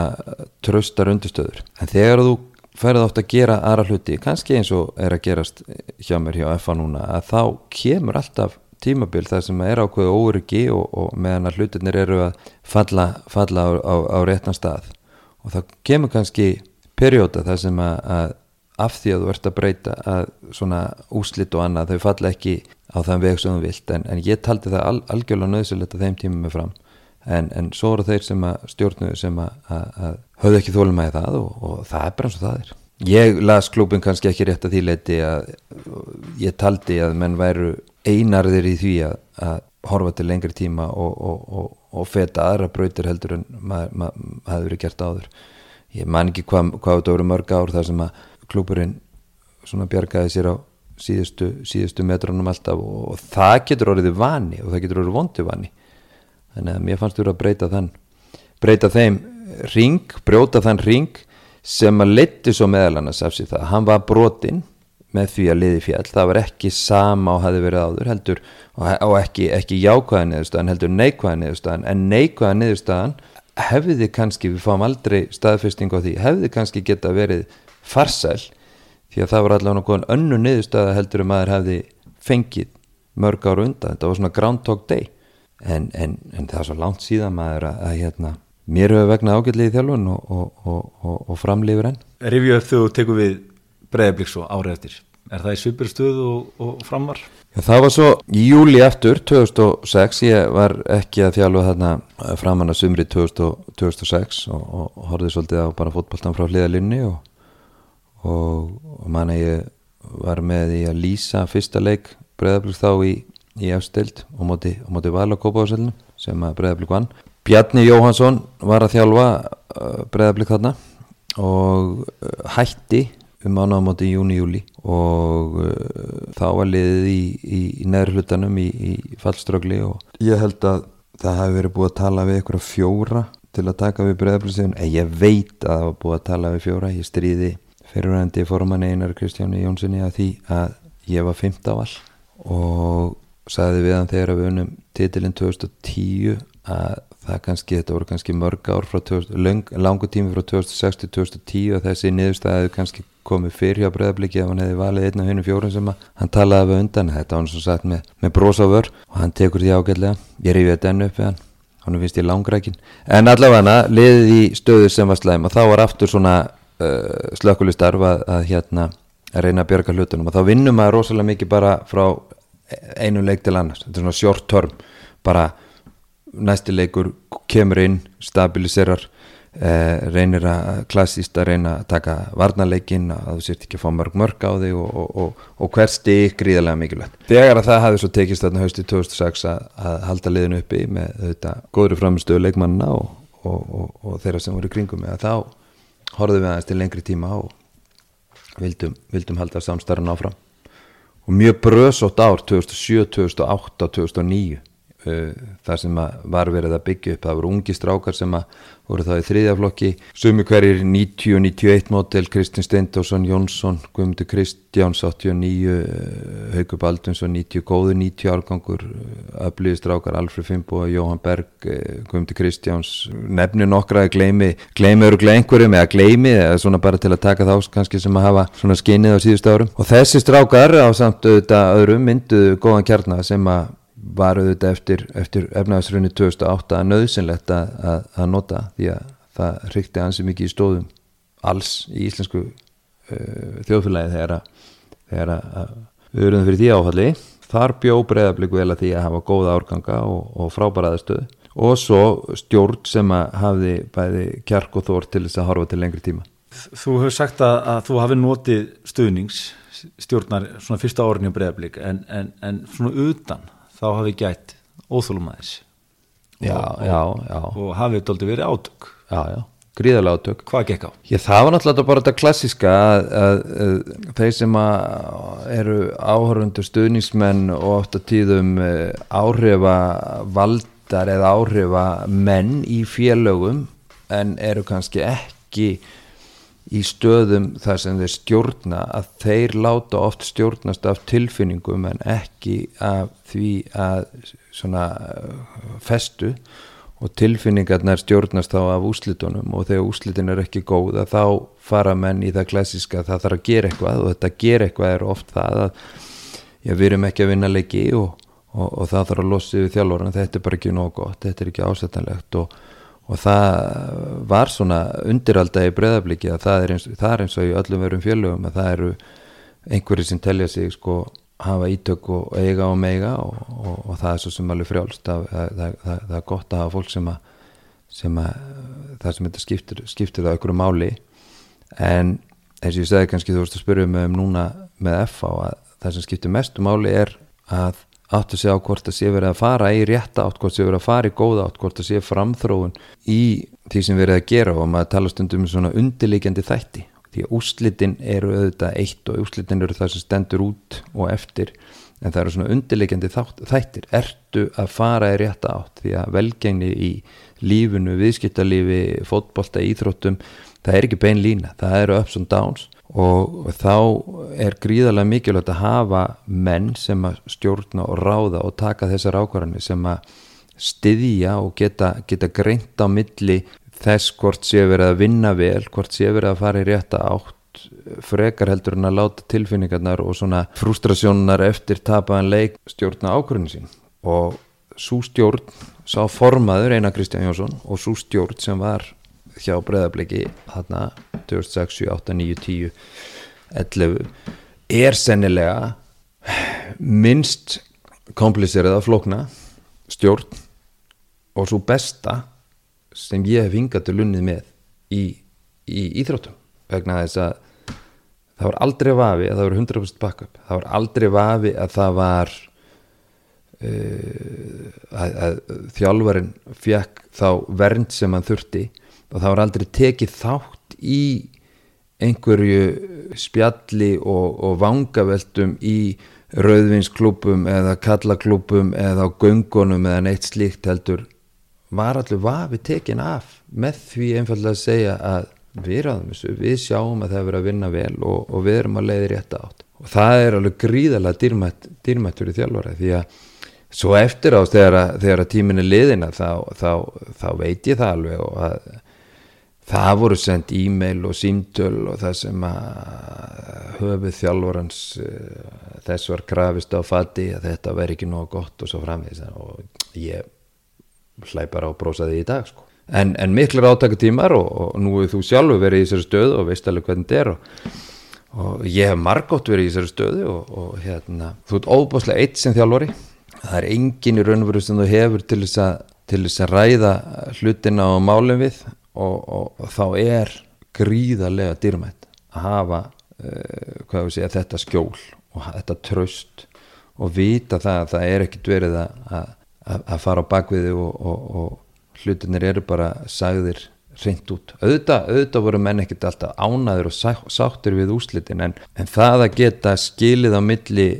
þessara tilfinningasveifluna sem að koma við úslit og í raun og veru þessara undilegjandi þáttar sem að til langstíma ef að hlutinir eru gerðir vel og rétt leiða til góður úslita Þú, þú talar um að, að það hafi yngar leikmöður að koma upp. Hjálpaði kreppan að flýta fyrir því að, að þessi ungu efnilega leikmöð sem að voru komið í kipum fengu sensin Hún flýtti fyrir ákveðnum prósess sem að var í gangi. Við vorum kannski auðvitað að vilja en líka ákveðni, ákveðni nöyð urðum við að treysta á yngri leikmenn og, og sem, að, sem að voru þarna koma upp og, og við höfðum auðvitað haft augu á. Það má segja að kannski að það hafi verið okkar, okkar gæfa að þurfa að að það, það er sko það er sko þú, þú, þú þú, þú hefur eitthvað sín á leikmenn, þú hefur eitthvað trú á að þeir kannski einhver tíma geti orðið þeir leikmenn sem þú vonast til að þess að þeir verði þar að þeir eru efnilegir hafa hæfileika og, og hvena springa þeir út. En, en, en þú, þú, þú hefur ekkert annað en þá trú og vissan kemur raun og verið ekki fyrir en þeir hafa fengið tækifæri til þess að spröyta sig. Og þá sérðu yfir 5, 10, 15 leiki hvort þeir pluma sig eða ekki. Þannig að sko kannski, kannski, þetta er bara spekulasjónir þá hefði maður hef, hef mað gengt þetta ef að ekki hefði þurft að, að fara að hleypa þeim inn. Uh, ég veit það ekki en, en þarna voru strákar sem voru í, í þrýðaflokki eins og nefndaðan góður árgangur 90 og auðvitað voru 89 strákar hérna líka 91 finnur orði og, og aðri yngri Kára Ársálsson uh, og Guðmann Þórisson uh, bara alltaf nefna nokkra uh, sem, a, sem að voru öflýr og það sem, það sem að, að þetta gerði var það að nú urðum við bara að nota það og, og, og kasta þeim í djúbulögina og þeir stóðu stóðu alveg undir því og auðvitað voru voru upp á niðursveiflur í því eins og, eins og gengur en, en, en svona heilt yfir að, að þá er það bara þannig að það, þú veist ekki fyrir en að menn fá tækifæri hvort að þeir e, standist pressun eða ekki Hvaða þýðingu hafi e, byggarsigurinn svona á áframaldið hjá, hjá, hjá Breiflik 2009? Hann hafði klárlega, hann hafði klárlega þýðingu. 2009 tímabili var mjög þungt. Það var, það var hafið 2007 og 2008 verið, verið erfið. Þá var 2009 uh, mjög þungt vegna þess að ég hafði verið með liðið sinns að 2006 ég tek það eins út úr svega, það var halvt ár þá var björgunarækjur 2007 og 2008 þá hafði, hafði verið, verið mjög fítn hópur, það voru útlendingar og það voru góður íslenski leikmenn, það var bara eh, fínasta breðaflugslið en, en, en kannski svona niðurstaðin í deildinni var ekki, ekki, ekki það sem að kannski menn vonuðist eftir uh, við höfum verið undanústum í byggar 2008 mann ég gott, ek, gott ef ekki var 2007-08 en mann man ekki alveg eftir í en allavega komist langt í byggar og, og, og 2008 ef ég mann rétt töpu við á móti K.R. í vítaspilnu kefni í undanústum Uh, 2009 mann ég eftir leika motið þrótti á Valbjarnavelli þessu töpum 4-0 og, og þá hrykti verulegi stóðunum og þá þá voru áhrifahópanir ansi duglegir að láta í sér heyra bæði leint og ljóst og, og uh, ég mann fyrir þennan undanstæðleik 2008 þá notaði ég þá aðferð að koma og talaði við blika fyrir leikin og saði að við, ég ætlaði sem þjálfari og við ætlaðum að vera fyrsta liði í kallafópultanum bregðarblikki sem inn í stóran titil. Mennum fannst það sjálfsögðu eins og svo ofta áður að ég var að taka stort upp í mig en, en mér fannst það nöðsynlegt til þess að svona brjóta ákveðin ákveðina existential krísu að þóra að segja hvað maður hvað maður dreymdum og, og, og langaði að gera það þarf oft að fara í gegnum þakki til að, að svona að fá okkur loft. Síðan 2009 þá, þá er, er byggar byggarkjefni það sem að svona stendur upp úr og við vinnum undanústaleiki nei hérna fyrirgjöðu ústaleiki í byggarnum á móti fram sem er það er svona byggakefni var sko ef ég maður rétt við spilum við kvöt í fyrstu umferð ég manna við spilum leik við háká þar sem við vinnum á, á síðustu mínútu Guðmundur Pétursson ef ég maður rétt Rauða Ljónið eh, kom til okkar var okkur gríðilega mikilvæg við vinnum Keflavík í undanústum og förum svo í þenn últaleika móti, móti fram. Það sem meðal annars maður sem að klikkaði í í viti í, á móti káer í undanlustum árið áður. Skorar í últalegnum bæðu úr vítaspilnu og svo eins í vítaspilnu keppninu og svo, svo drama var þannig að það? það var Alfred Fimboðsson sem var árið 2008 að mati þeirra sem fjöldluðum leikinn og, og, og, og svona letu tilfinningarna stjórna allt og allt og allt og ungur til að axla það ábyrg að taka viti í vítaspilnu keppni í, í svona mikilvægum leik en árið 2009 var hann var það no-brainer því að það, það skoraði. Og þarna bara dæmi um hvað tilfinningarna hvaða niðurstaðan stjórnar of tilfinningunum í staðin fyrir rational, rationaliteti ég var alveg einn samferður og með getur orðið um það að þegar Alfred klikkaði þessu viti á móti, móti Káer, ég held að hann hafi skotið nánast upp í Lótsvall að þá, þá myndi það verða það mikilvægt í reynslubankan hans að ef hann þurfti einhver tíman að klára svona leika þá var hann maðurinn til að treysta því að þannig er hann bara að skrúa það saman. Síðasta viti á hjá fram bara svona til að taka hvað, hvað þessi lína er, er þunn á milli feiks og ófeiks að hún fyrir slána og, og, og niður á völlin og breyðablík verður byggamestari og það var svona held ég auðvitað þegar maður lítur sig yfir, yfir, yfir á tímbil 2010 það var svona ákveði breakthrough að vinna titil, að vinna stóran titil. Strákar sem hefði unni gríðarlega mikið í yngreflokkunum, þeir unnu loksins og félagið sem hefði unni mikið í yngreflokkunum kalla megin en aldrei neitt í, í mestarlokki fóri yfir þessa línu. Brutísin Brutísin sko sem að, sem að inn í, í tímbil 2010 sérstaklega þegar, þegar svona, það voru töff í restina held ég hafi hjálpað, hjálpað svolítið mikið það, ég nefndi það með, með þegar ég var að spila þennan leik 89 með F og þá, þá hérna kunnum ennið ekkert, það hefði aldrei verið í svo stöðu áður Feng, fengu einhverja tilfinningu sem að menn voru tilbúinir að upplifa aftur já, bara þess að trúa að þetta var hægt mm. og, og, og litli ég geti unnið sko mm -hmm. og það er hefð sem að skapast í félögum, það er hefð sem skapast hjá einstaklingum sem að, sem að hérna, velgengni elur af sig velgengni og ef umhverfið er það, þannig að það hafi verið velgengni og þú kemur inn í slikt umhverfið þá smitastu af því. Og, og, og þess vegna er, er oft þessi fyrstu breykþrú mjög mikilvæg. Og svo ennþá mikilvæg að, að stíga, stíga þungt og vel inn í, inn í framhaldið. Eh, Ég held að sér rétt 2009 þá farðu kapasend til að gera persónuleikapróf á, á leikmönum, er það ekki rétt, 2009? Nei, sko, það er nefnilega svolítið fyndið að, eða fyndið er það ekki, það er aðteglisvert að það var vinna sem var búin að eiga sér stað frá því 2007 okay. uh, þannig að það er ímislegt gert sem að ekki kemur upp á yfirborði fyrir að einhvers konar jákvæða niðurstæði komin að þá eh, er, er það eitthvað sem að eh, dregur að sér aðtekli e, e, bara þessi spyrji, út, út á hvað gengur þessi próf og, og svona hvernig reyndustu? Já sko ég hef alltaf verið mjög áhersamur um það að kíkja aðeins undir yfirborðið og reyna að skoða hvað er á bakvið einstaklingin, það er að segja yfgandan sem hafa færi inn til sín að maður getur séð hvernig hann getur sparkað í bolta og hlaupið og hoppað og tekið á móti bolta og allt þetta, en í raun og veru hvað er á bak, bakvið, hvað er undir yfirborðinu, úr hvernig er viðkomandi sama settur og ég var svona í þessum pælingum og setti mér í samband við, við Kapasend og kynist þar hérna mjög góðum mönnum með, með Sigurðun Þórðarsson ráðgjafa í, í, broti fylkingar. Og hugmyndi mín var svo að aðtúa hvort maður gæti með einhverjum aðferðum einhvers konar prófum spurningalistum komist að því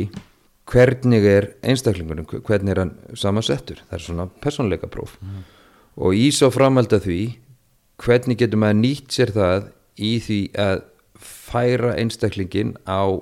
annan stað þar að segja vantarlega betri stað í krafti vitundar bæði okkar og svo einstaklingsins sjálf um það hvernig hann raunverulega er skrúaður saman og þeir voru áhugað samir um, um, um þetta sama. Og við fórum á stað og, og, og gerðum sem sagt próf á leikmannunum bæði persónuleika einstaklingspróf og svo eins svona svo kallan liðsprófíl þar sem við skoðum hverju veru styrkleikar eh, hópsins, liðsins og hverju væru svona hvaða þætti bæra varast.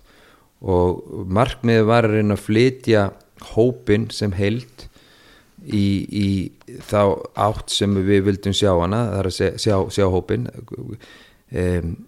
þar sem að voru veikir lekkir að, að hvernig getur við styrt þá annarkort með því að fá einstaklinga utanfrá sem að getur bætt við þau atriði sem væru, væru, væru þau atriði sem væri ábætt og vant eða þá einstaklingin sjálfur tækju til sína á þeim sviðum. Þetta var svona að skapa ákveðna meðvitund um mikilvægi þess að við erum ólík og ólíkir og þurfum að vinna saman. Og þetta er sennilega eitt það besta ef ekki það besta sem ég hef gert í þjálfun og mun öruglega e, nýta mér það áfram á einn eða annan hátt í, í, svona, í framhaldinu. En þetta er viða mikið, þú þurft að hafa menn með þekkingu með þér, þú þurft að hafa tíma og þú þurft að hafa auðvitað vilja og bakka upp til þess að gera þetta alla leið. Þetta var mjög aðtilsvert og, og ég svona vil meina það að þessi þáttur með unga leikminni, já ég glemdi kannski að nefna að það var alltaf að tala um reynslu.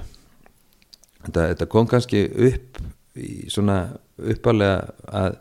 í kjölfur að því að það er alltaf að tala um þessa reynslu og mín, mín pæling bara að skoða hvort maður gæti á maður kalla það handdrifið fært leikmununum reynslu sem þeir annars myndu bara fáið gegnum tíma með því að öðlast þekkingu á sjálfum sér. Og þá fyrir mig sem þjálfara að hafa einhvers konar yfirsýn yfir það hvar ég gæti e, sett inn mína krafta til þess að við þurftum ekki að gangi gegnum það sem skapar reynslu heldur getum svona komið reynslunni eh, já svona ítt aðeins á það að menn öðluðust reynslu. Og það held ég að tekist á, á, ágæðlega allavega koma kemur sínilegur árangur í formi titla 2009-2010 með mjög unglið, ég held að það hafi verið rétt rúmlega 21 ás meðalaldurinn. Og svo einni finnst mér að, að bara ég vona að það sé rétt meti hjá mér að, að leikmennir sem að uh, voru að þeir bæði öðluðust ákveðna sín og reynslu á sig sem að og aðra í hópnum sem að hafa hefur, hefur getað fyllt þeim bæði í ferlinu sem fókbaltamenn og svo auðvitað bara í, í, í, í lífi hvers og eins Þú, þú, þú talar um hennan, hennan gríðilega sterkar kjarnar sem komandum, ég ætla að lega mér að nefna nokkra. Alfred Fimboðsson er fættur 89, Guðmundur Kristjánsson 89, Elvar Helgarsson 89, Kristinn Steindorsson 90, Kristinn Jónsson 90, Jón Berg Guðmundsson 90, Finnur Orri 91 og Andri Ratt Jáman 92 og svo koma Sverri Ingi og Átni Viljáns aðeins síðar 93-94. Er einhver að þessum stráku sem út sérstaklega stoltur af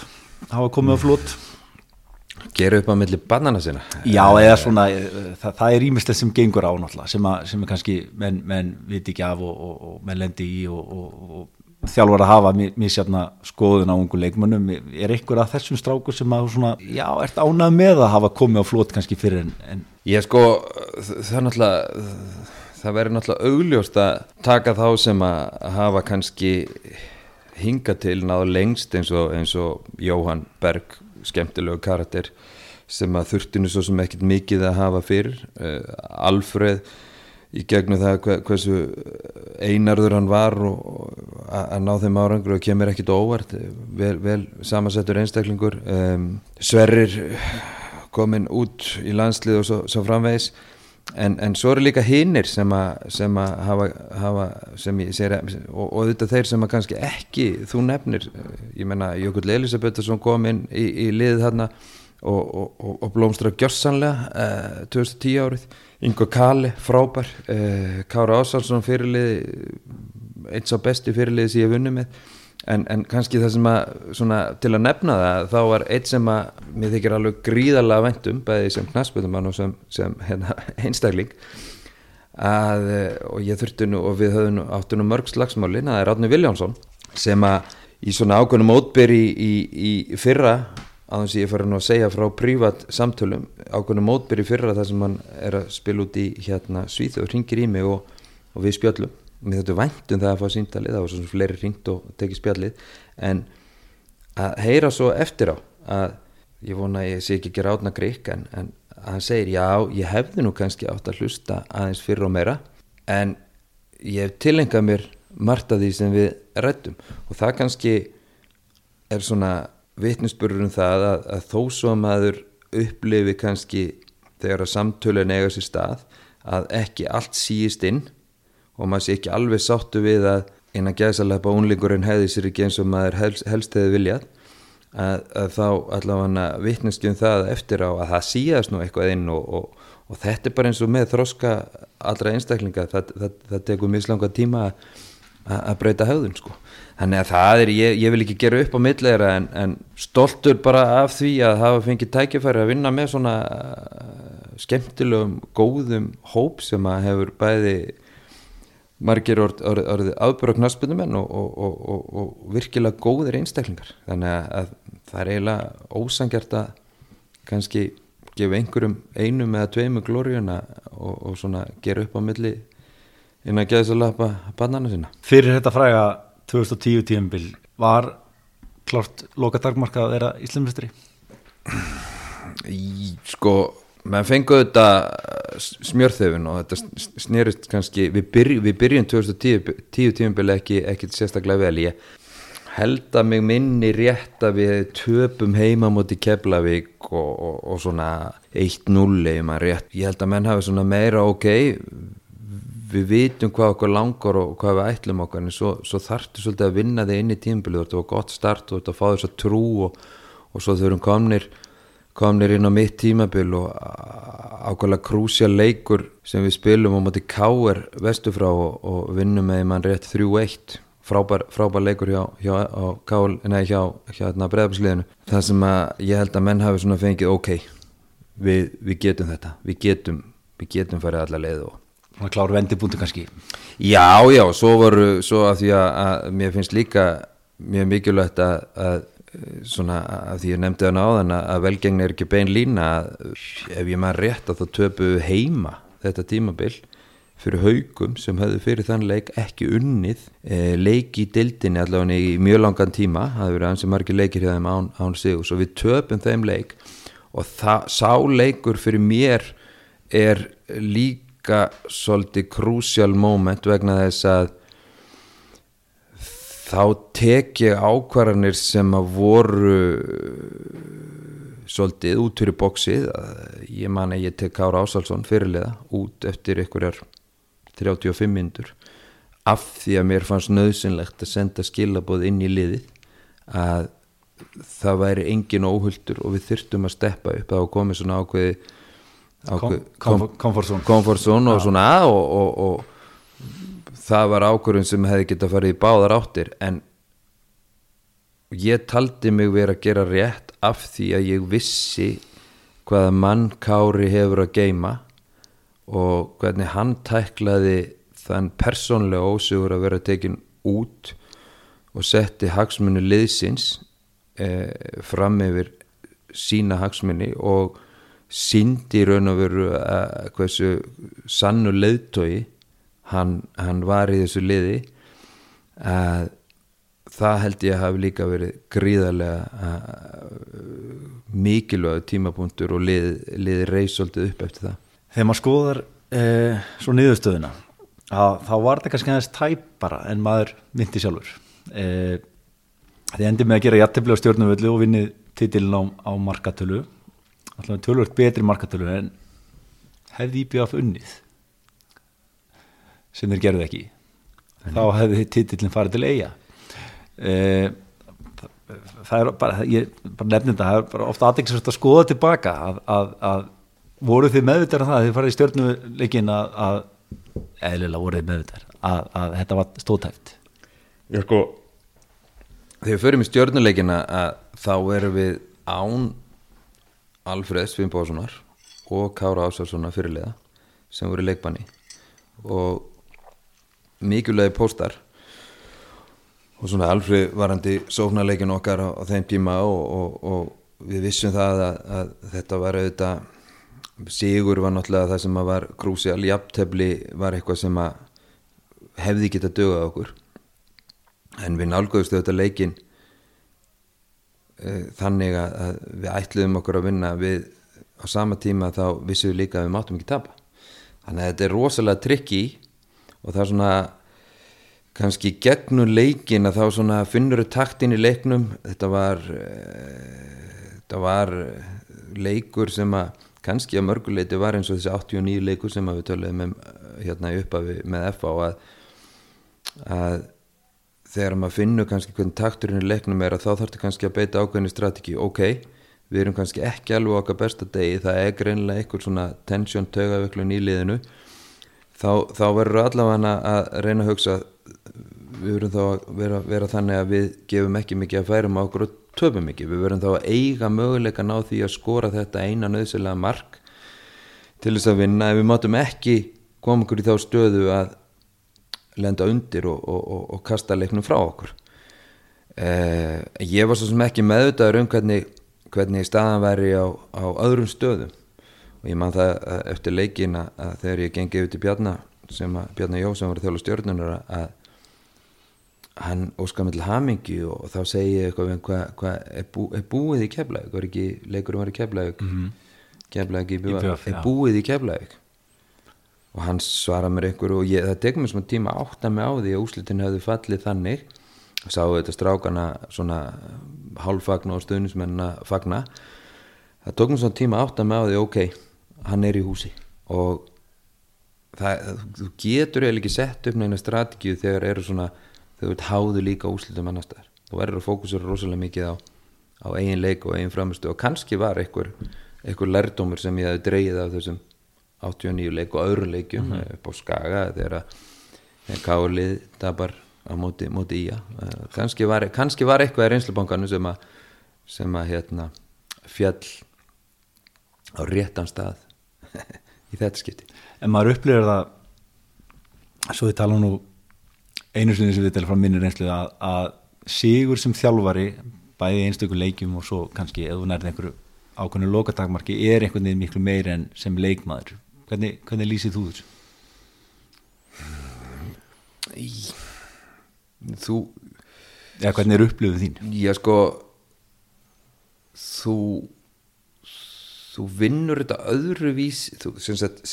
það að vinna sigur sem þjálfari ekki það að ég hafi þannig séð eitthvað samanbör frá leikmannaferðli en ég held þú vinnir að kannski öðruvísi vinnur öðruvísi úr því heldur en sem leikmaður að, að þú hefur veist hvað þú ert búin að tarfast í gegnum mótlæti og, og, og, og svo framvegis hvað þau hefur lagt í þetta eh, þannig að þú svona já þú upplifir þetta held ég bara annan hátt. Uh, ég hef ekki samburinn þannig að það er erfitt að segja það en, en, en, en það svona En þú hefur samur sem leikmaður að, að vinna leiki eða, eða, eða eitthvað ákveðið já, já, já, já, og svo, svo, svo náttúrulega kemur kannski þegar, þegar allavega ég sem þjálfari hef tilenga mér það að reyna að vera þannig að ég sveiflist ekki eftir tilfinningum. Þar að segja að við töpum að fara ekki á djúpt niður og við vinnum þá fer maður ekki á hátt upp af því að þú ert alltaf að eins og ég sagði áðan að hafa auga á, þessa,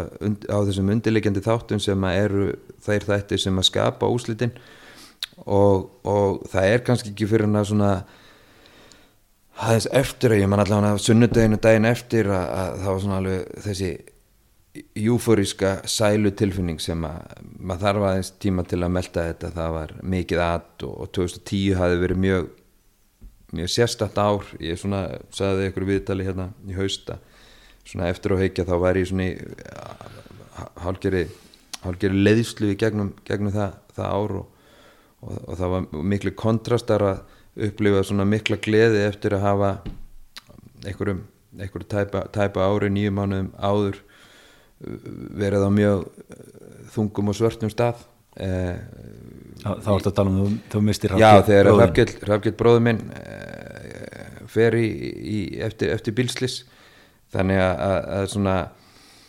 ég held að, að þessi miklu kontrastar hafi eh, í raun og veru svona fyrir mig persónlega svolítið staðfest fyrir mér. Akkurat hvernig, nú erum við að tala um persónleika próf á, á kannski mjög krúel hátt og svo gleðilegan hátt hvernig ég er sem, sem per, persónleiki og virka kannski á suma sem svona þurr og leðinlegur en á þá sem eru mér nærri eh, að það eru miklu, miklu meira spektrum heldur en heldur en kannski ég vil vera láta það á yfir það, lá, láta, láta uppi það á yfir það að, að ég reyna að temja mér allavega í mínu starfi og, og reyna að verja mig og minn persónleika og minn, mitt prívatsvæði þannig að, að það er sumt sem kemur ekkert öllum við. En, en þarna voru, voru var, var ég á, á sitt hverjum enda þessu tilfinninga spektrumi sko. Og þannig að gleðin eftir þennan leik varði ekkert alveg strax svona einhver óbóðsleg gleði á sama hátt og þegar ég þurfti að ásand mínu nánustu að tækla erfiða tíma uh, í kringum, kringum fráfall Hrafkels uh, náði kannski líka að halda mér svona nokkuð uh, tilfinningarlega stabilum og, og þetta er eitthvað sem þú getur ekki lært af bók heldur lærir því miður af, af, af byttur reynslu og upplifun svo kemur nýtt tímbil 2011 og og það er bara hægt að segja það. Þið náðu ekki að fylgja eftir þessum geggjaða sigri 2010 Eh, má segja að þið hafa verið enn á bleiku skíi eða? Nei, nei, við, jú, jú, sjálfsagt, sjálfsagt voru við það, ég, við, þegar sé ég og við þá yfir mig og, og, og stjórn til, a, til að vera ekki að skella skuldina alltaf bara á aðra. Uh, við gerum þau mistök að stokka ekki upp þar að segja skapa ákveðna dýnamík með því að, að fá inn eins og ég vildi.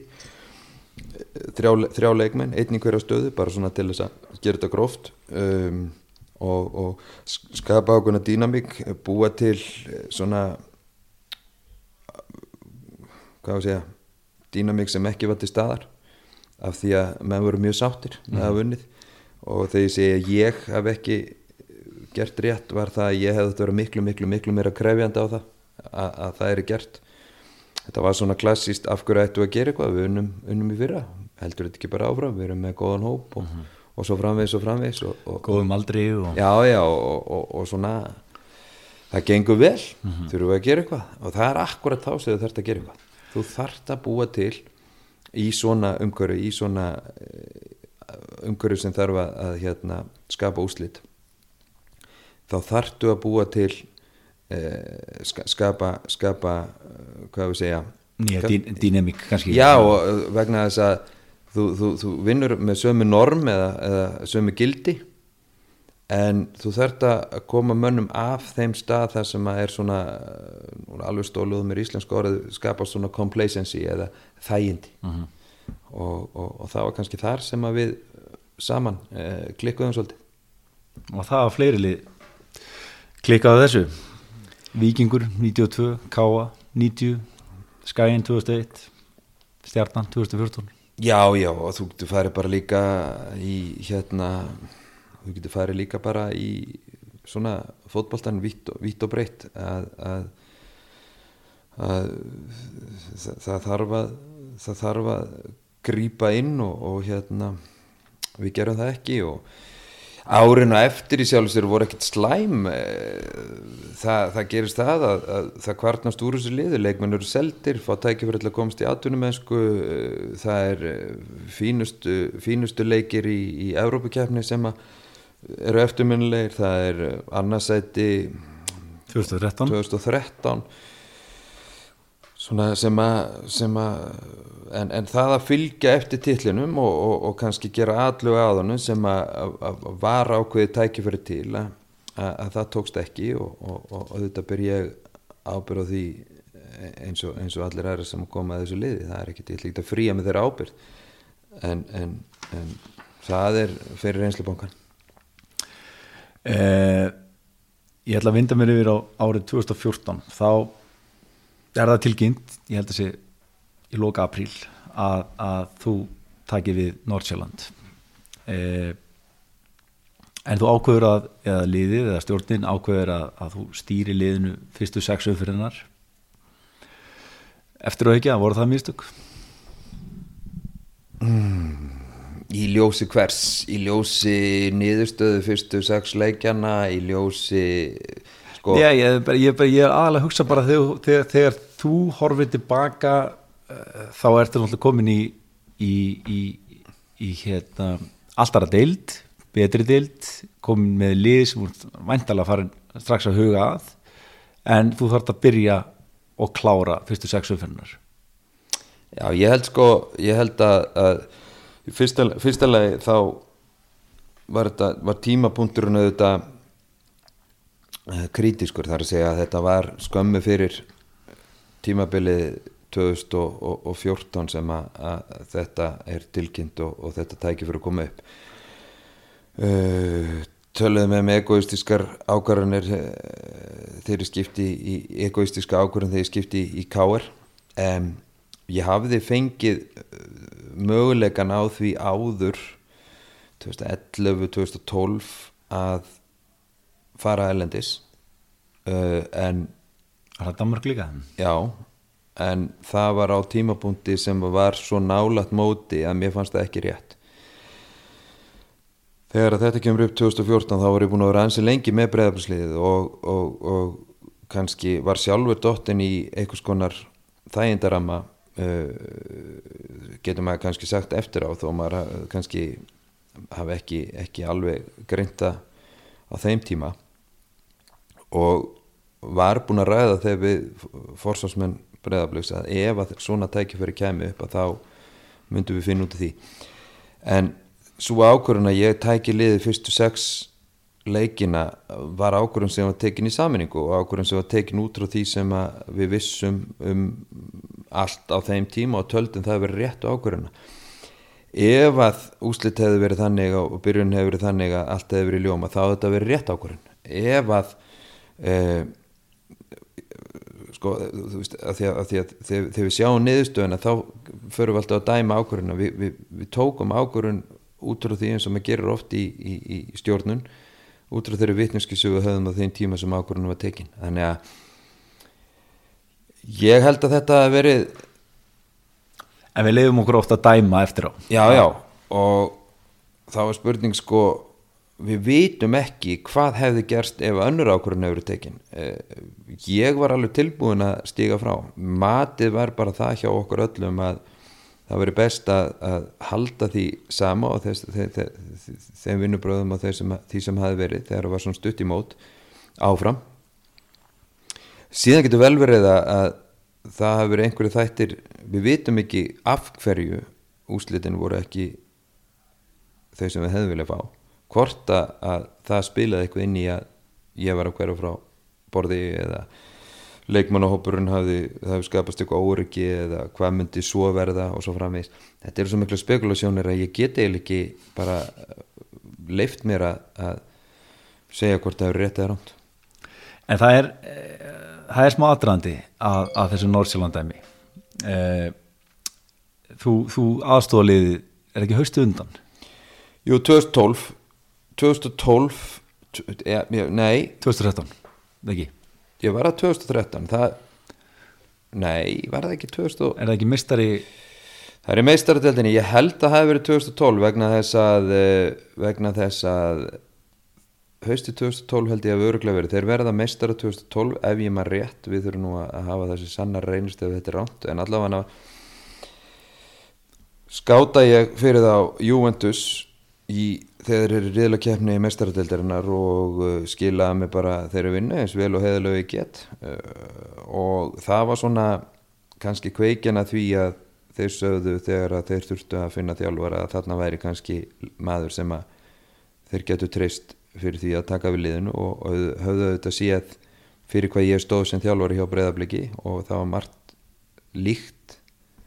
með því sem ég var að gera og því sem þeirra filosófía gengur út á. Eh, bæði Jan Lársen sem á sportsjöf og, og Kasper Júlmann við, við höfum náttúrulega kynst þekkt, þekktumstu gengur langa tíma. Og svo eigandin þannig að, að það var kannski svona upphafið að því að ég held ég ljóstur hún ekki dómöklu upp en, en, en, en það, það hefði svo sem verið þreyfingar áður. Mm. ekki þá um að verða aðalþjálfur en að koma inn, í, inn hjá þeim. Og, og svo þegar að Kasper Júlmann er komin á það steg að hann hann vilja hætta þá hefur hann samband við mig og, og spyr hvort hann megi mæla með mér í, í starfið og svo, svo fer boltin að rúla þannig að jú, opnunin sjálfsagt eitthvað það að ég hafði unnið með þeim fyrir þá hérna í þegar í mestardeldinni og svo auðvitað það að ég hafði bæði spilað og þjálfað í Danmarku og, og, og tekið mín, mína þjálfara gráði þar og þekktu umhverfið. Þannig að það var klárlega aðdraðanda því já var það sjokk fyrir því eða, eða var það, hvernig tilfinning var að vera komin í, í þetta mikið stærri deild og mikið meira umfang? Nei, ég held að það hefði nokkið verið neitt sjokk það er, það er svona hlutir sem að þú þarft að venja þig við og, og tækla hans öruvísi, þú varst alltaf inn og kom með uh, hópþjálfura sem þú þurftir að, að hérna stjórna og stýra. Eh, þurftir að, ég þurfti að, að dreifa verkefnum að aðra ég þurfti að hafa yfirsýna eh, komandur umhverju þar sem þú gerðir raun og vera allt eða allavega mjög mikið varst svolítið einráður og, og, og svona þurftir að gangi öll störf. Eh, þarna þurftir að meira að dreifa verkefnum og, og hafa yfirsýn og sjá til þess að halda öllum mótuverðum á tánum og og, og varandi leikmannahópin er þetta alltaf það sama? Þetta er bara farið á völl og vera með velskipilaðar æfingar eh, halda þeim á tánum mótuveruðum eh, og, og, og svo kannski það sem að er það er, er umhverfi, það er fjölmiðlar, það er já bara mikil samskiptu við fjölmiðla og, svona meiri aðtegli á deildinni heldur að maður er vanur og yfir lengri tíma, það er raun og veru frá því að deildin er að byrja og þannig til hún klárast og þá er þá er bara deadline um hverja einustu helgi og þú þú, þú, þú lítur voða lítið upp sko, þú ert bara með nefið ofan í, í starfinu og þjálfunni og, og þarfst að skilja úslutum helgi eftir helgi. Þannig að gríðarlega skemmtilegt og maður er eins og sprungin bladra þegar að kemur að vetrafrí og svo aftur þegar kemur að sumafrí og þá er rosalega mikilvægt að, að, að hlaða batteri í nattur Varstu sáttu við gengið á ykkar fyrsta tímubili? Já, ég svona aftur og þá hefta ég mig alltaf eða, já, hefta mig við. Þetta er nú slangur úr dönsku ljótt, ég veit ekki hvort maður segir þetta í íslensku en allavega festi ég mig við og, og stið mig við það að kíkja á þessu undirleikjandi þætti. Ég tók við liði sem að ég tók við stórum hóp, ég tók við liði sem að var farið að eldast. Við tókum minn fimm leik með nú 19 ára liðinu sumari sem ég kem. Um, um, það var óskun það frá þeim sem stjórnum í félaginu að, að skapa smá dýnamík og byrja að byggja upp nýtt lið við eh, seljum tvo leikmenn eh, strax í fyrsta glugga annan til, til Þýskalands og hinn til Ítalju eh, við erum ágættistæði deildinni framan af og, og inn, í, inn, í, inn í vorið endum með miðja deild. Eh, þarna voru komin leikmenn sem að núna í, í ár þarna voru komin leikmenn að stíga sem fyrstu skref leikmenn sem að Nordsjælland var að selja í, í sumar, eitt til Tyrklands eitt til Englands, til Brentford og, og eitt til Belgíu. Eh, þannig að þeir fengu dýrmæta reynslu eh, síðan síðan tímbilið eftir að, að þá er, er svipað að, að við erum að byggja upp lið og, og, og, úr því liði var seldur eitt í Kína, eitt til Dortmund. Þannig að Norsiland tikkaði alveg á, á þann hátt sem það hefði gert áður. Svo er félagið selt og nýjir vendir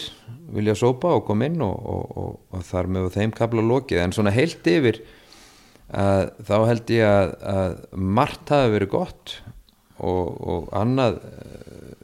kannski bara klassist það sem eru svona ákveðinu umbreytingar og, og, og eiginlega grunnurinn að því sem hefur verið núna hjá þeim upp á síðustu misseri verið lagður á vissan hátt og, og ég lít alveg tilbaka á minn tíma í Norsiland sem, sem góðan tíma og náttúrulega gríðarlega mikla reynslu og og, og, og þakkláttu fyrir það tækifæri að hafa færið þáka eh, Mér langar þess að spyrja um uh, þú ákveður að hafa eða taka allan ekki með þér íslenskan aðstöðuþjálfara í bæði mm. Nordsjölland og, og Rannes uh, var eitthvað sérstök ástæð fyrir því? Ég það svona eftir á að hegja kannski lutur sem að ég hefði geta gert betur og hvort sem að vera íslenskur eða, eða danskur eða sænskur eða, eða hvaða nú hefði geta verið norskur eitthvað svona þinn maður já, ég held að það sem að, þessi veran í þessum tveimur fjölöfum hefur kent mér er það að ef að svo ólíklega vildi til að ég fær út í eitthvað svona æfintýra aftur að þá myndi ég gera það að taka með mér inn minn mann mm -hmm eða mína menn. Ég hafði svona ákveðna skoðun á þessu áður og, og, en, ég, en, ég, en ég svona stóð út í anni og, og glýmdi við þetta að það væri kannski heppilegt að hafa menn sem að þekktu klubin og svona það væri ákveð, ákveð svona kontinuitet í, í klubnum við það að hafa klubmenn mm -hmm. en komin aðra skoðu núna að, að, að minnstakosti að hafa með sér einni eða tvo sem, að, sem eru þínumenn vegna þess að þegar að kannski það fer að brjóta á og þegar að þegar að hlutinni ganga kannski ekki alveg eins og allir vildu hafa það þá gerist það að svona lojalitetið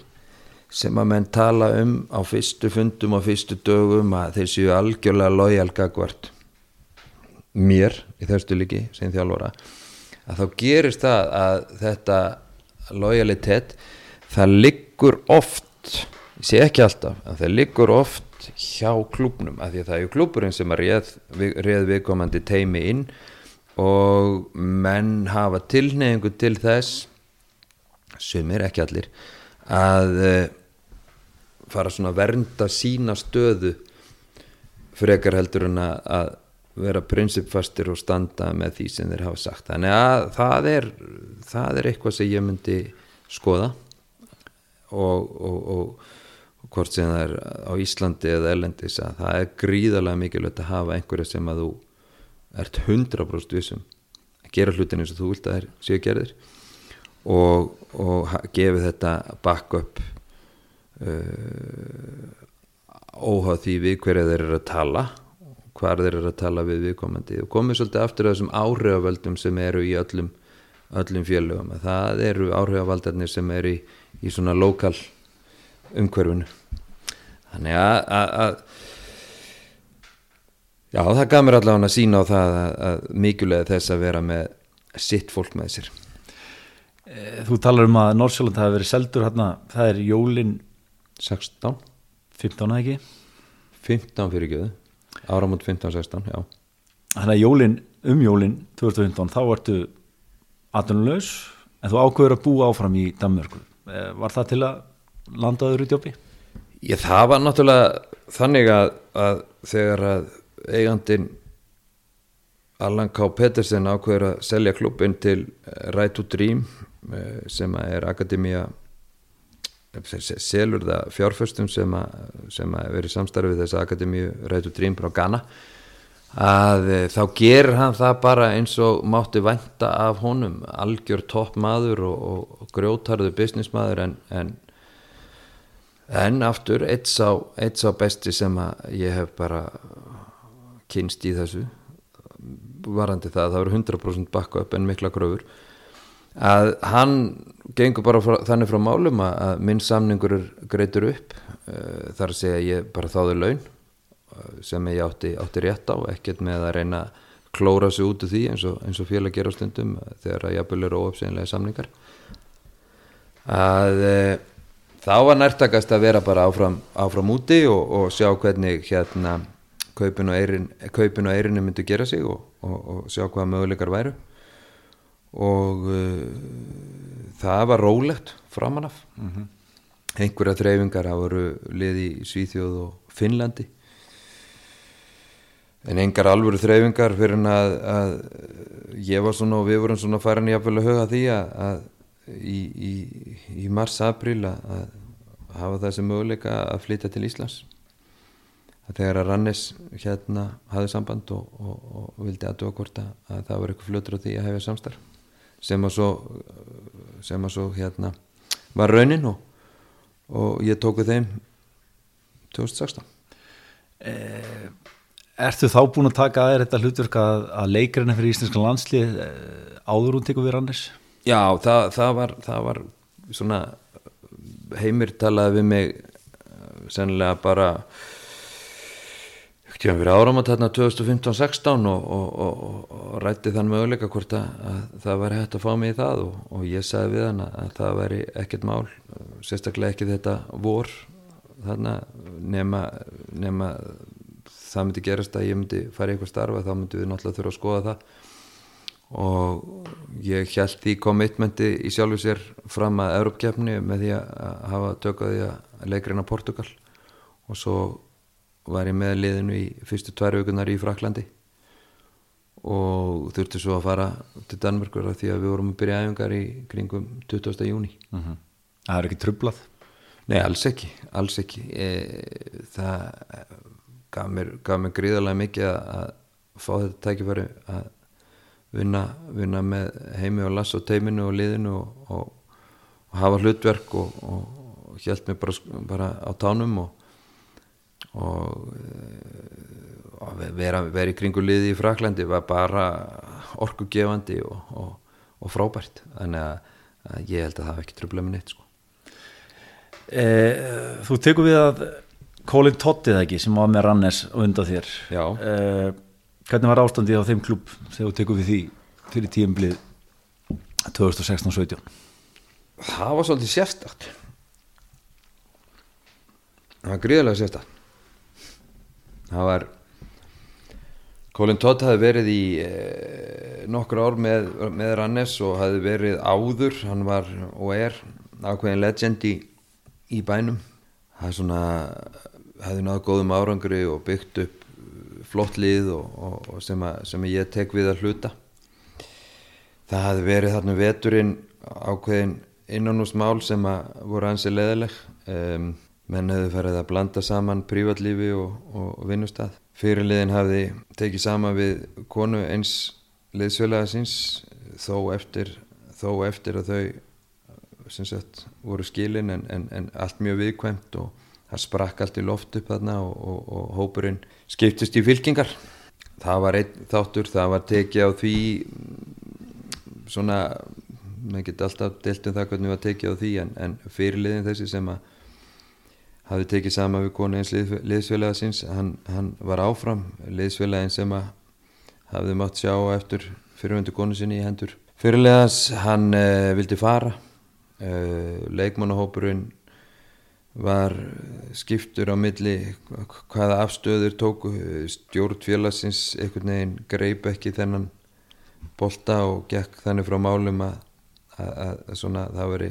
plástraði yfir þau sár sem þurfti að plástra og, og, og það dróst svona aðeins inn í inn í, í, í, í minn tíma. Uh, ég þurfti að ásamt þeim sem að stjórnuði að, að taka það ákvörðun að fyrirliðin þessi hann myndi stoppa það var svona til þess að byggja upp tröst stoppa, fara þá. Fara frá, frá Rannes. Hann tók því eins og eins og uh, sannur hvað við segja, ég ætla hann að segja kallmaður en svona hann tók Fa- því bara fagmaður? já, já, fagmaður, já. Að hann skildi það alveg og það var ekkert vesen. En, en, en fýtn hópur uh, við byrjum gríðarlega vel erum í svona topp fjórum hérna allt, allt uh, haustið. Síðan uh, fyrir að kvarnast úr liðinu. Það eru seldir góði leikmenn það eru seldir leikmenn sem að voru líkilmenn uh, ekki keift inn í samræmi við það. Við erum í möguleika að komast í, í, í þessa top 6 keppni. Center sem er núna markaðistur í annari búndisleika eða næstefstu deldi í Þýskalandi er, er seldur. Eh, þannig að, að svona ákvarðanir sem ég var ekki sáttu við sem að uh, tókst ekki að fylla í skörðin og að missa það að komast í top 6 úsleikemna var, var fúlt. Og aftur komið þessum undirleikjandi þáttu ég er nýbúin að lesa, lesa hérna greiningu á, á þessu, þessu tímabili og svona mínum tíma eirannes, það var, var gerð greining á því en á danskri fótbolta nörda tölfræði síðu þar sem að, að raun og veru allir þessir undirleikjandi þættir sem að skipta máli í fótbolta voru í þannig lægi að ef allt hefði verið eðlilegt þar að segja ef að boltanum hefur verið komið í netið úr þeim færum sem við sköpuðum og svo framvegis að þá hefði þá hefði við átt að liggja í þessu top 6 ústakefni en þetta var lígilegt vor þar sem að, að sko menn voru að brenna færum sem að sko þetta hljómar eins og einhver afsökun en, en, en ef menn sæju færin sem að, sem að menn brendu Uh, það, það, það, ég, ég hef aldrei upplefað hann aðeins aldrei nokkuð tíman upplefað hann aðeins það voru af einsmyndist væri reynt sér í boltan og, og átt að tapa honum yfir línuna en, en fóturum fór yfir boltan og boltin stoppaðist á línunni sko, það er ekkit það er umtalað hversu þessi ólukka var, var mikil og, og þá stendur þú svolítið sem þjálfari í þeirri stöðu að það er verið að gera hluti sem að ættu raun og vera að leiða til betri árangus en það er þessi fjárans stöngin út en ekki stöngin inn syndrom sem að sest svo í liði og verður til þess að sjálfstrust og annað mingar og, og verður mjög erfið staða. En gríðarlega lærtumsri og þetta hefur verið vantilega gríðarlega erfiðu vetur. Þið spilir síðustu fjóruleikina fyrir vetrabásu tapið öllum fyrstu þrjáleiki eftir vetrabásu og það er ekki sigur fyrir 7. april Já, það lítur að hafa tekið á. Já, já það, það tók mjög á og, og, og, og kannski komið aftur því sem ég nefndi á þann að ég hef svona reyndi tilhenga með það bæði að byttur reynslu og svo eins bara almennt að, að sveiflast ekki upp í einhverja einhverja júforíu þegar velgengur og ekki niður í eitthvað þunglindi þegar ítla gengur heldur að reyna að halda mig svona nokkuð stabilum á, á, á, á því að, trúa á þessa undirleikindi þættu og vinna vel og, og markvist að, að því sem við erum að stefna að en, en auðvitað, auðvitað tók það á og auðvitað er erfitt að koma viku eftir viku og, og þurfa að útskýra af hverju við unnum ekki leikin þegar allt sem þú sérð er ekki allt það er náttúrulega hljómar eins og allt að vera í himnalagi flestar sem þú sérð það er, er í góðu lagi. En, en þú kemur ekki boltanum yfir línuna og, og fær spurningarnar og, og kommentin býtu, er eitthvað skotæfingar, eru menn ekkit þurfum menn ekki bara að að skot, má ekkit skjóta? Af hverju skoraðir ekki, þetta er þjálfur og, og þú bara stendur og, og, og, og tekur þetta inn á þig og, og hérna já, já, ég ber alltaf ábyrð á, á gengi liðsins og, og stend og fell með því.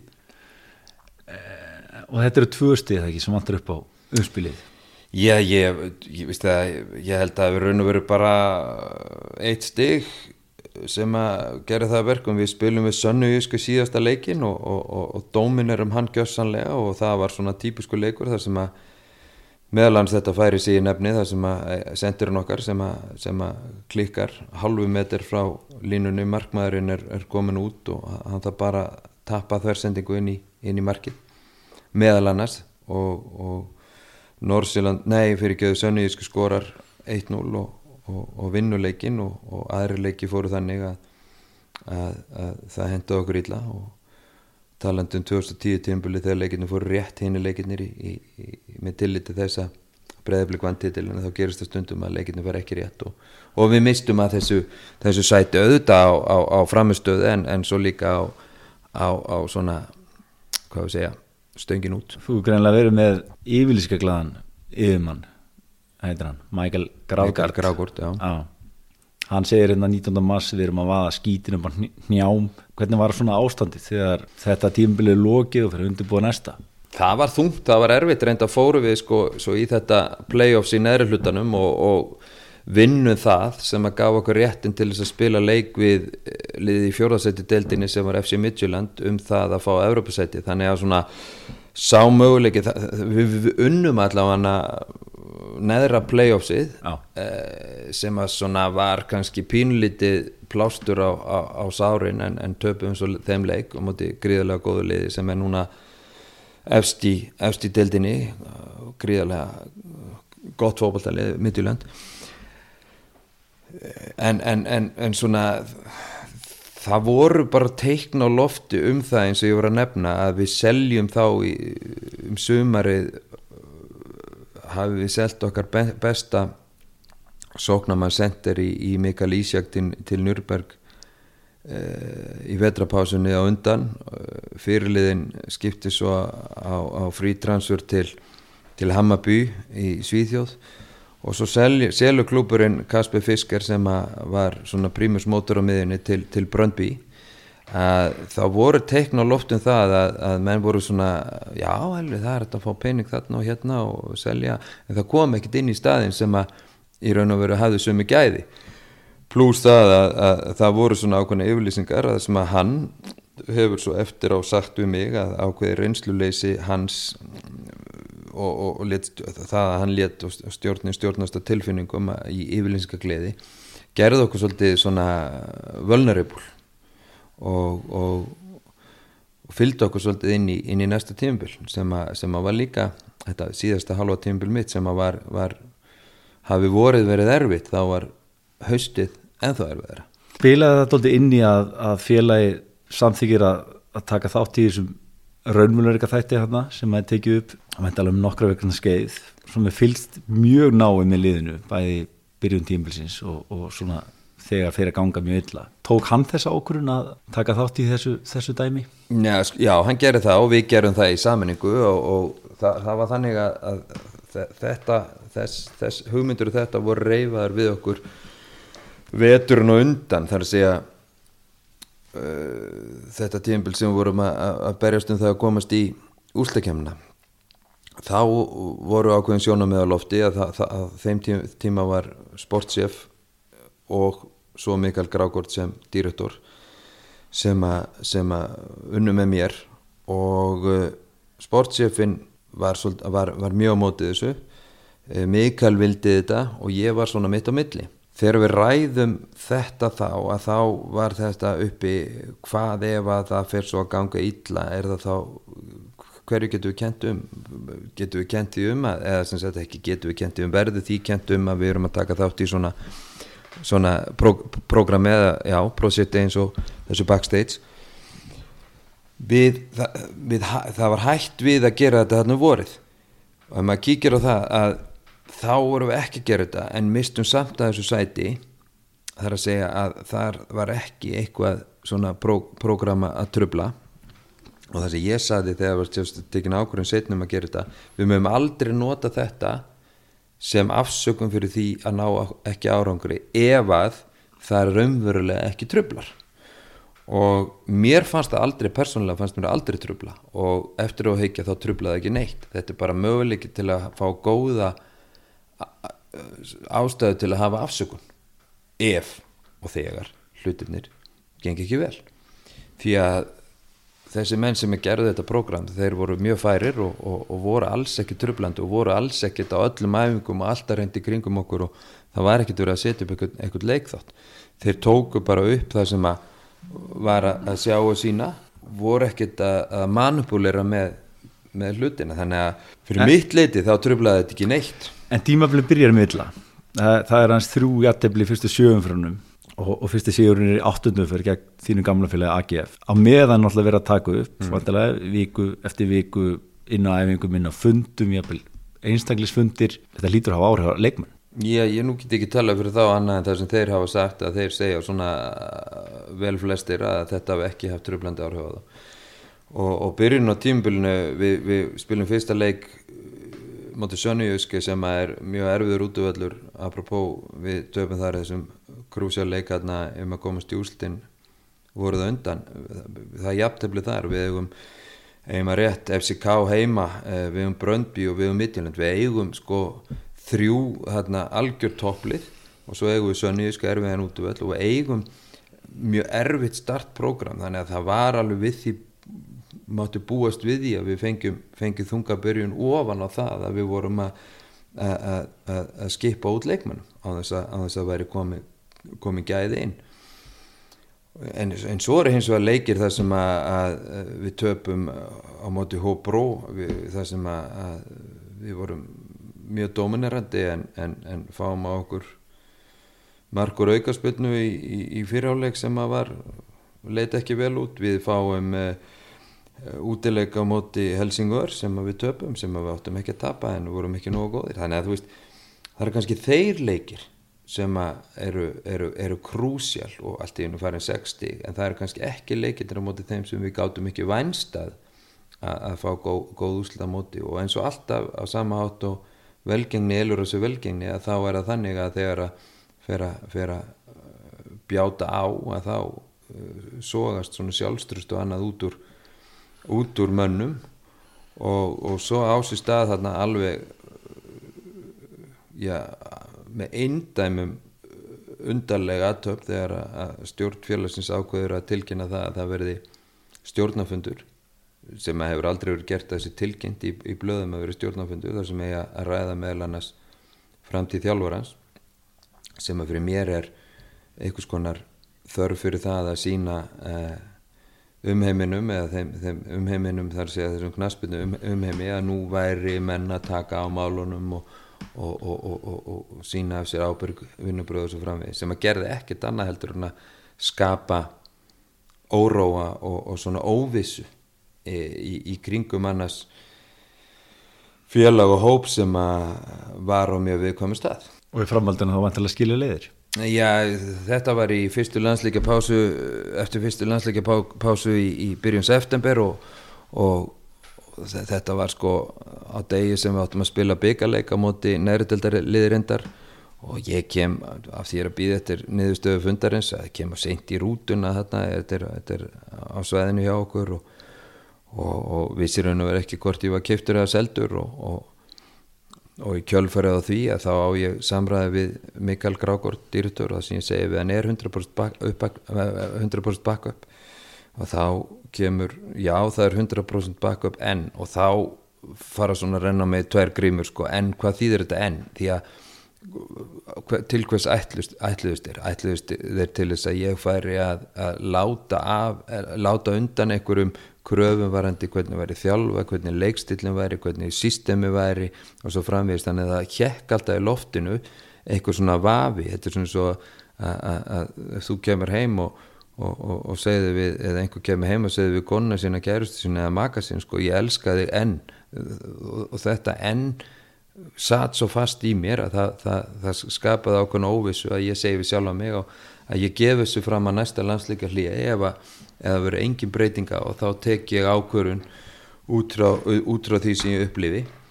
Og það er ekki til fyrir mér eitthvað sem heitir 80% tröst, það er bara annarkort er 100% tröst eða ekki. Því að um leiðu að komin einhver óvisa um þetta tröst að þá er farið að kvarnast úr stóðunum og, og, og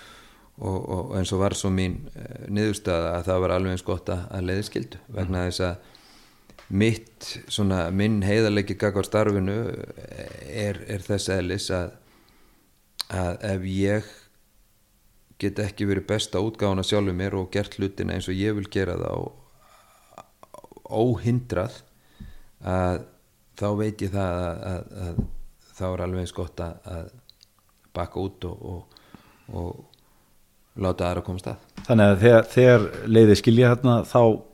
ákvörðu þá strax að, að, að þú ætlar að koma heim með það? Nei, nei, það var ekkert það var ekkert uh, ákveðið þar uh, þetta gerist á ég ekki mann ekki eins og nákvæmlega dags 5. oktober Já, 5. oktober uh, síðan hafði við svo sem fjölskyldan ekki hugsa, hugsa hlutina neitt lengra heldur en það og, og, og svo að það þarna helgina eftir að, að, að svona hlutinir aðeins en ég eina síðan að þetta ekki ákvörðunum að ég, ef ég maður rétti alltaf að koma heim að sjá Ísland Kósó mm -hmm. Þegar að, þegar að tök ákvörðunum það að koma heim til Íslands og, og sjá hana landsleik fara eins í burtu frá þessu öllu saman. Og uh, það er þarna helgina helginu eftir ef maður rétt að hlutinir eh, fara að rulli það átt að, að við sjáum kannski eigin þann möguleika eða tökum, tökum ákvörðinu það að, að Ísland sé næsti áfangastæður Þannig raun og veru þegar tilbúið kemur frá F og þá ákvörðu þú og fjölskyttan að, að sigla heim. Já,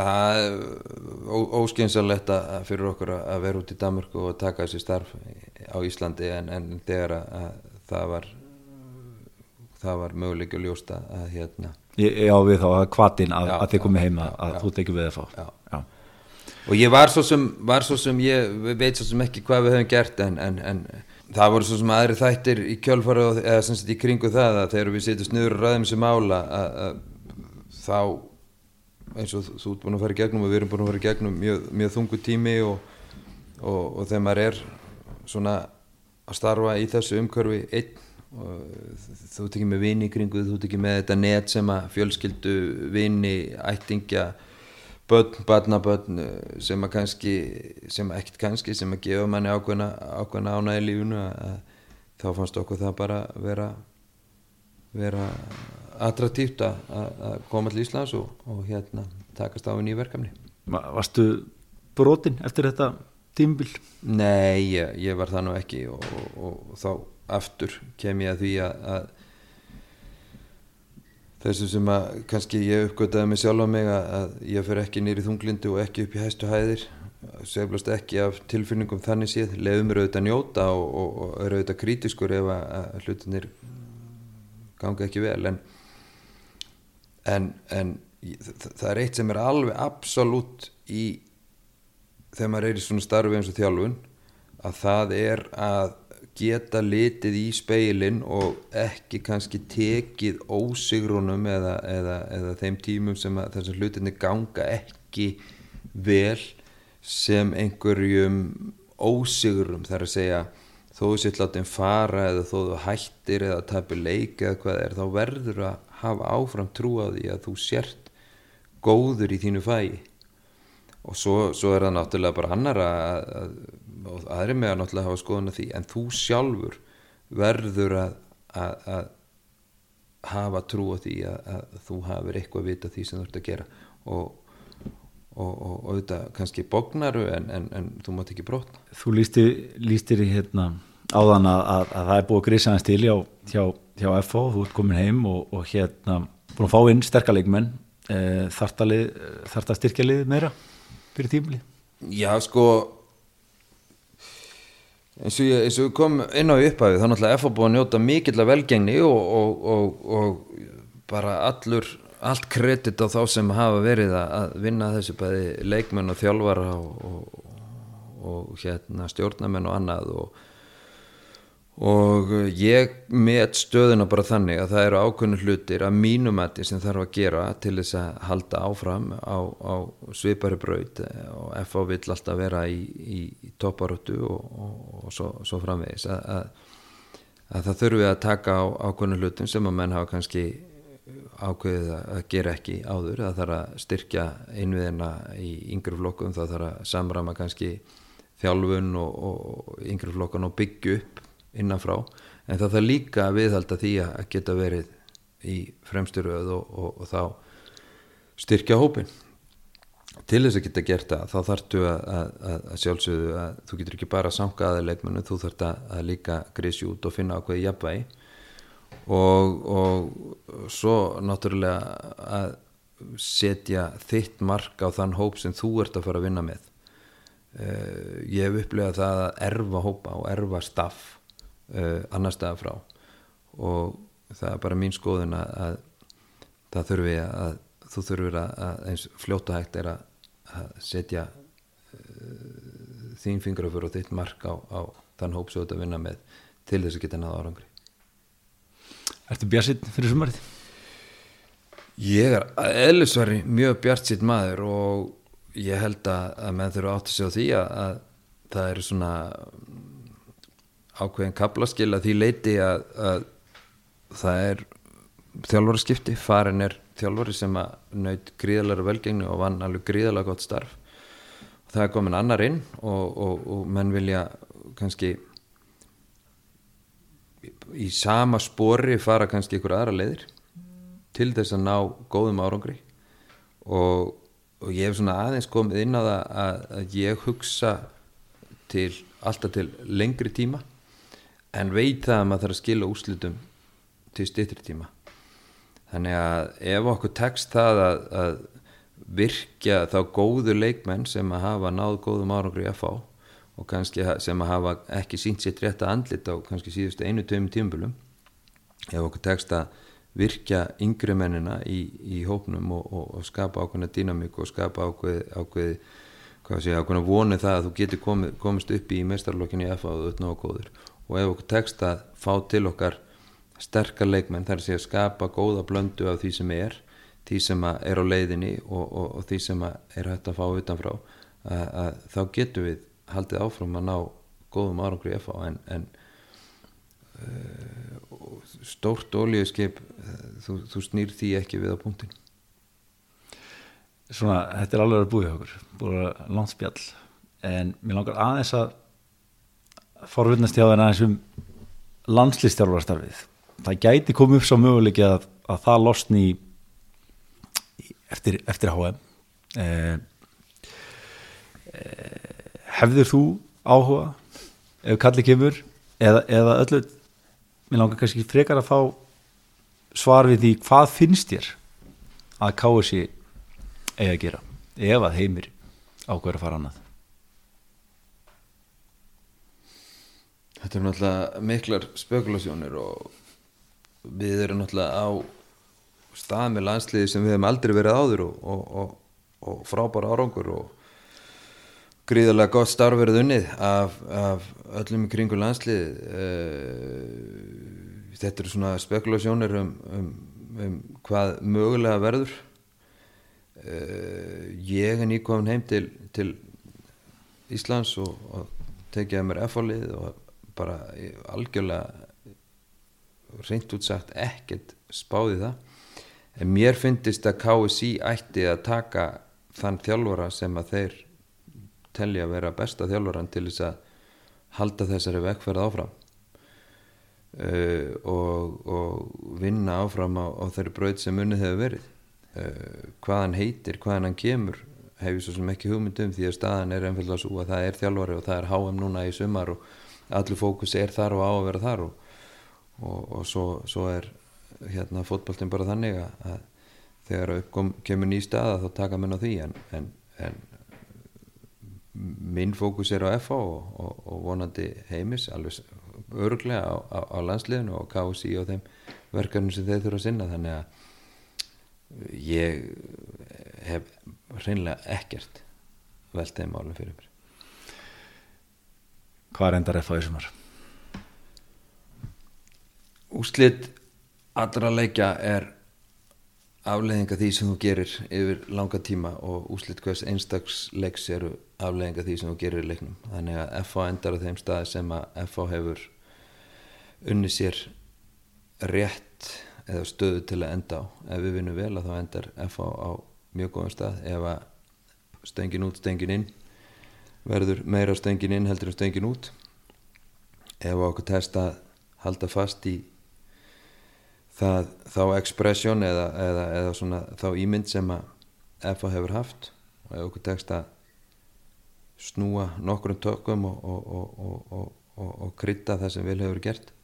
að þá endar FA á góðum stað. Ég ætla að umvara spurninguna. Býstu við harðri sanginni?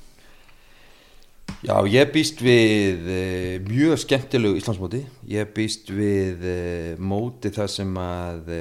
eins og staðinu núna að valsmenn virðast vera með gríðarlega sterkan hóp og hafa notið velgengni á undarförnum árum í byggar og, og svo auðvitað deilt í fyrra. Ég býst við því að, að Rúnar í K.R. nái að, að ebla þá stjarnan og uh, svo sé ég mjög frýst breðaflslið vera að spila líka. Þannig að bara til að nefna, nefna nokkur ég gleymi kannski einhverjum káamenn byrjuðu vel í fyrra og ég held svona sé bara mikilvægt að gestsaugað er oft glögt og nú vil ég ekki segja þessi gestur en þegar ég fyldist með Íslandsmótunu í þessi fjögur ár sem ég var úti þá, þá uppgöndi hversu mikil sjarmi er raun og verið yfir Íslandsmótunni í fókbalta, það er bara fyrir mér, það er, þetta er auðvitað kannski eitthvað nostálgi og eitthvað svo leiðis en við tölum rosalega mikið niður uh, þessa, þessa keppni, ég vil lengjana en, en hún er þetta badd sem hún er eins og hún er og, og, og, og það er spilað það er, marga leiki það er spilað yfir hásumari ég veit að það er ekki alltaf sól og blíða en, en, en það er eitthvað svona sjarmi yfir mótinu og rætti þetta bara við Gulla. Gullu inn minn markmann í, í, í breðaflik ekkert í hann í, í vetur og ég menna þú sér að hann er ennþá, ennþá að spila, hann elskar þetta. Og ef við getum fengið þessa svona þennan kærleika og þessa ást og þennan sjarma til þess að skína þess meira heldur en að vera alltaf að tala um hvað allt sé ómöðulegt og glatað og fókbaltinn lélugur og hitt og þetta tuðið við því hvað eru margir útlendingar og alltaf fái rauðherðir og ég veit ekki hvað og hvað að, að hérna sjáum þetta meira sem þetta mót sem þetta er með þeim sjarma sem það hefur og, og svona uh, staðin fyrir að nakast í þessu lærum að elska þetta og, og, og njóta þess að þeim fórsendis við höfum að, þá held ég að, við, við svona náum lengra bæði hvað verðar, áhöröndur umgjörð, umfjöllum og svo framvið. Þetta eru frábál og gorð. Þakka þið fyrir, maður mæti návi Takk sem leiðis. Við mig. Íslenska landsliði þurft að berjast gegn mótlætinu og sigrast á mörgum af sterkustu knatsbyrnu þjóðum Evrópu til að komast á HM í Rúslandi. Við sjáum um að það verði auðveldara fyrir þig. Ræðgreðslir borgunar. Auðvelda ferðalög.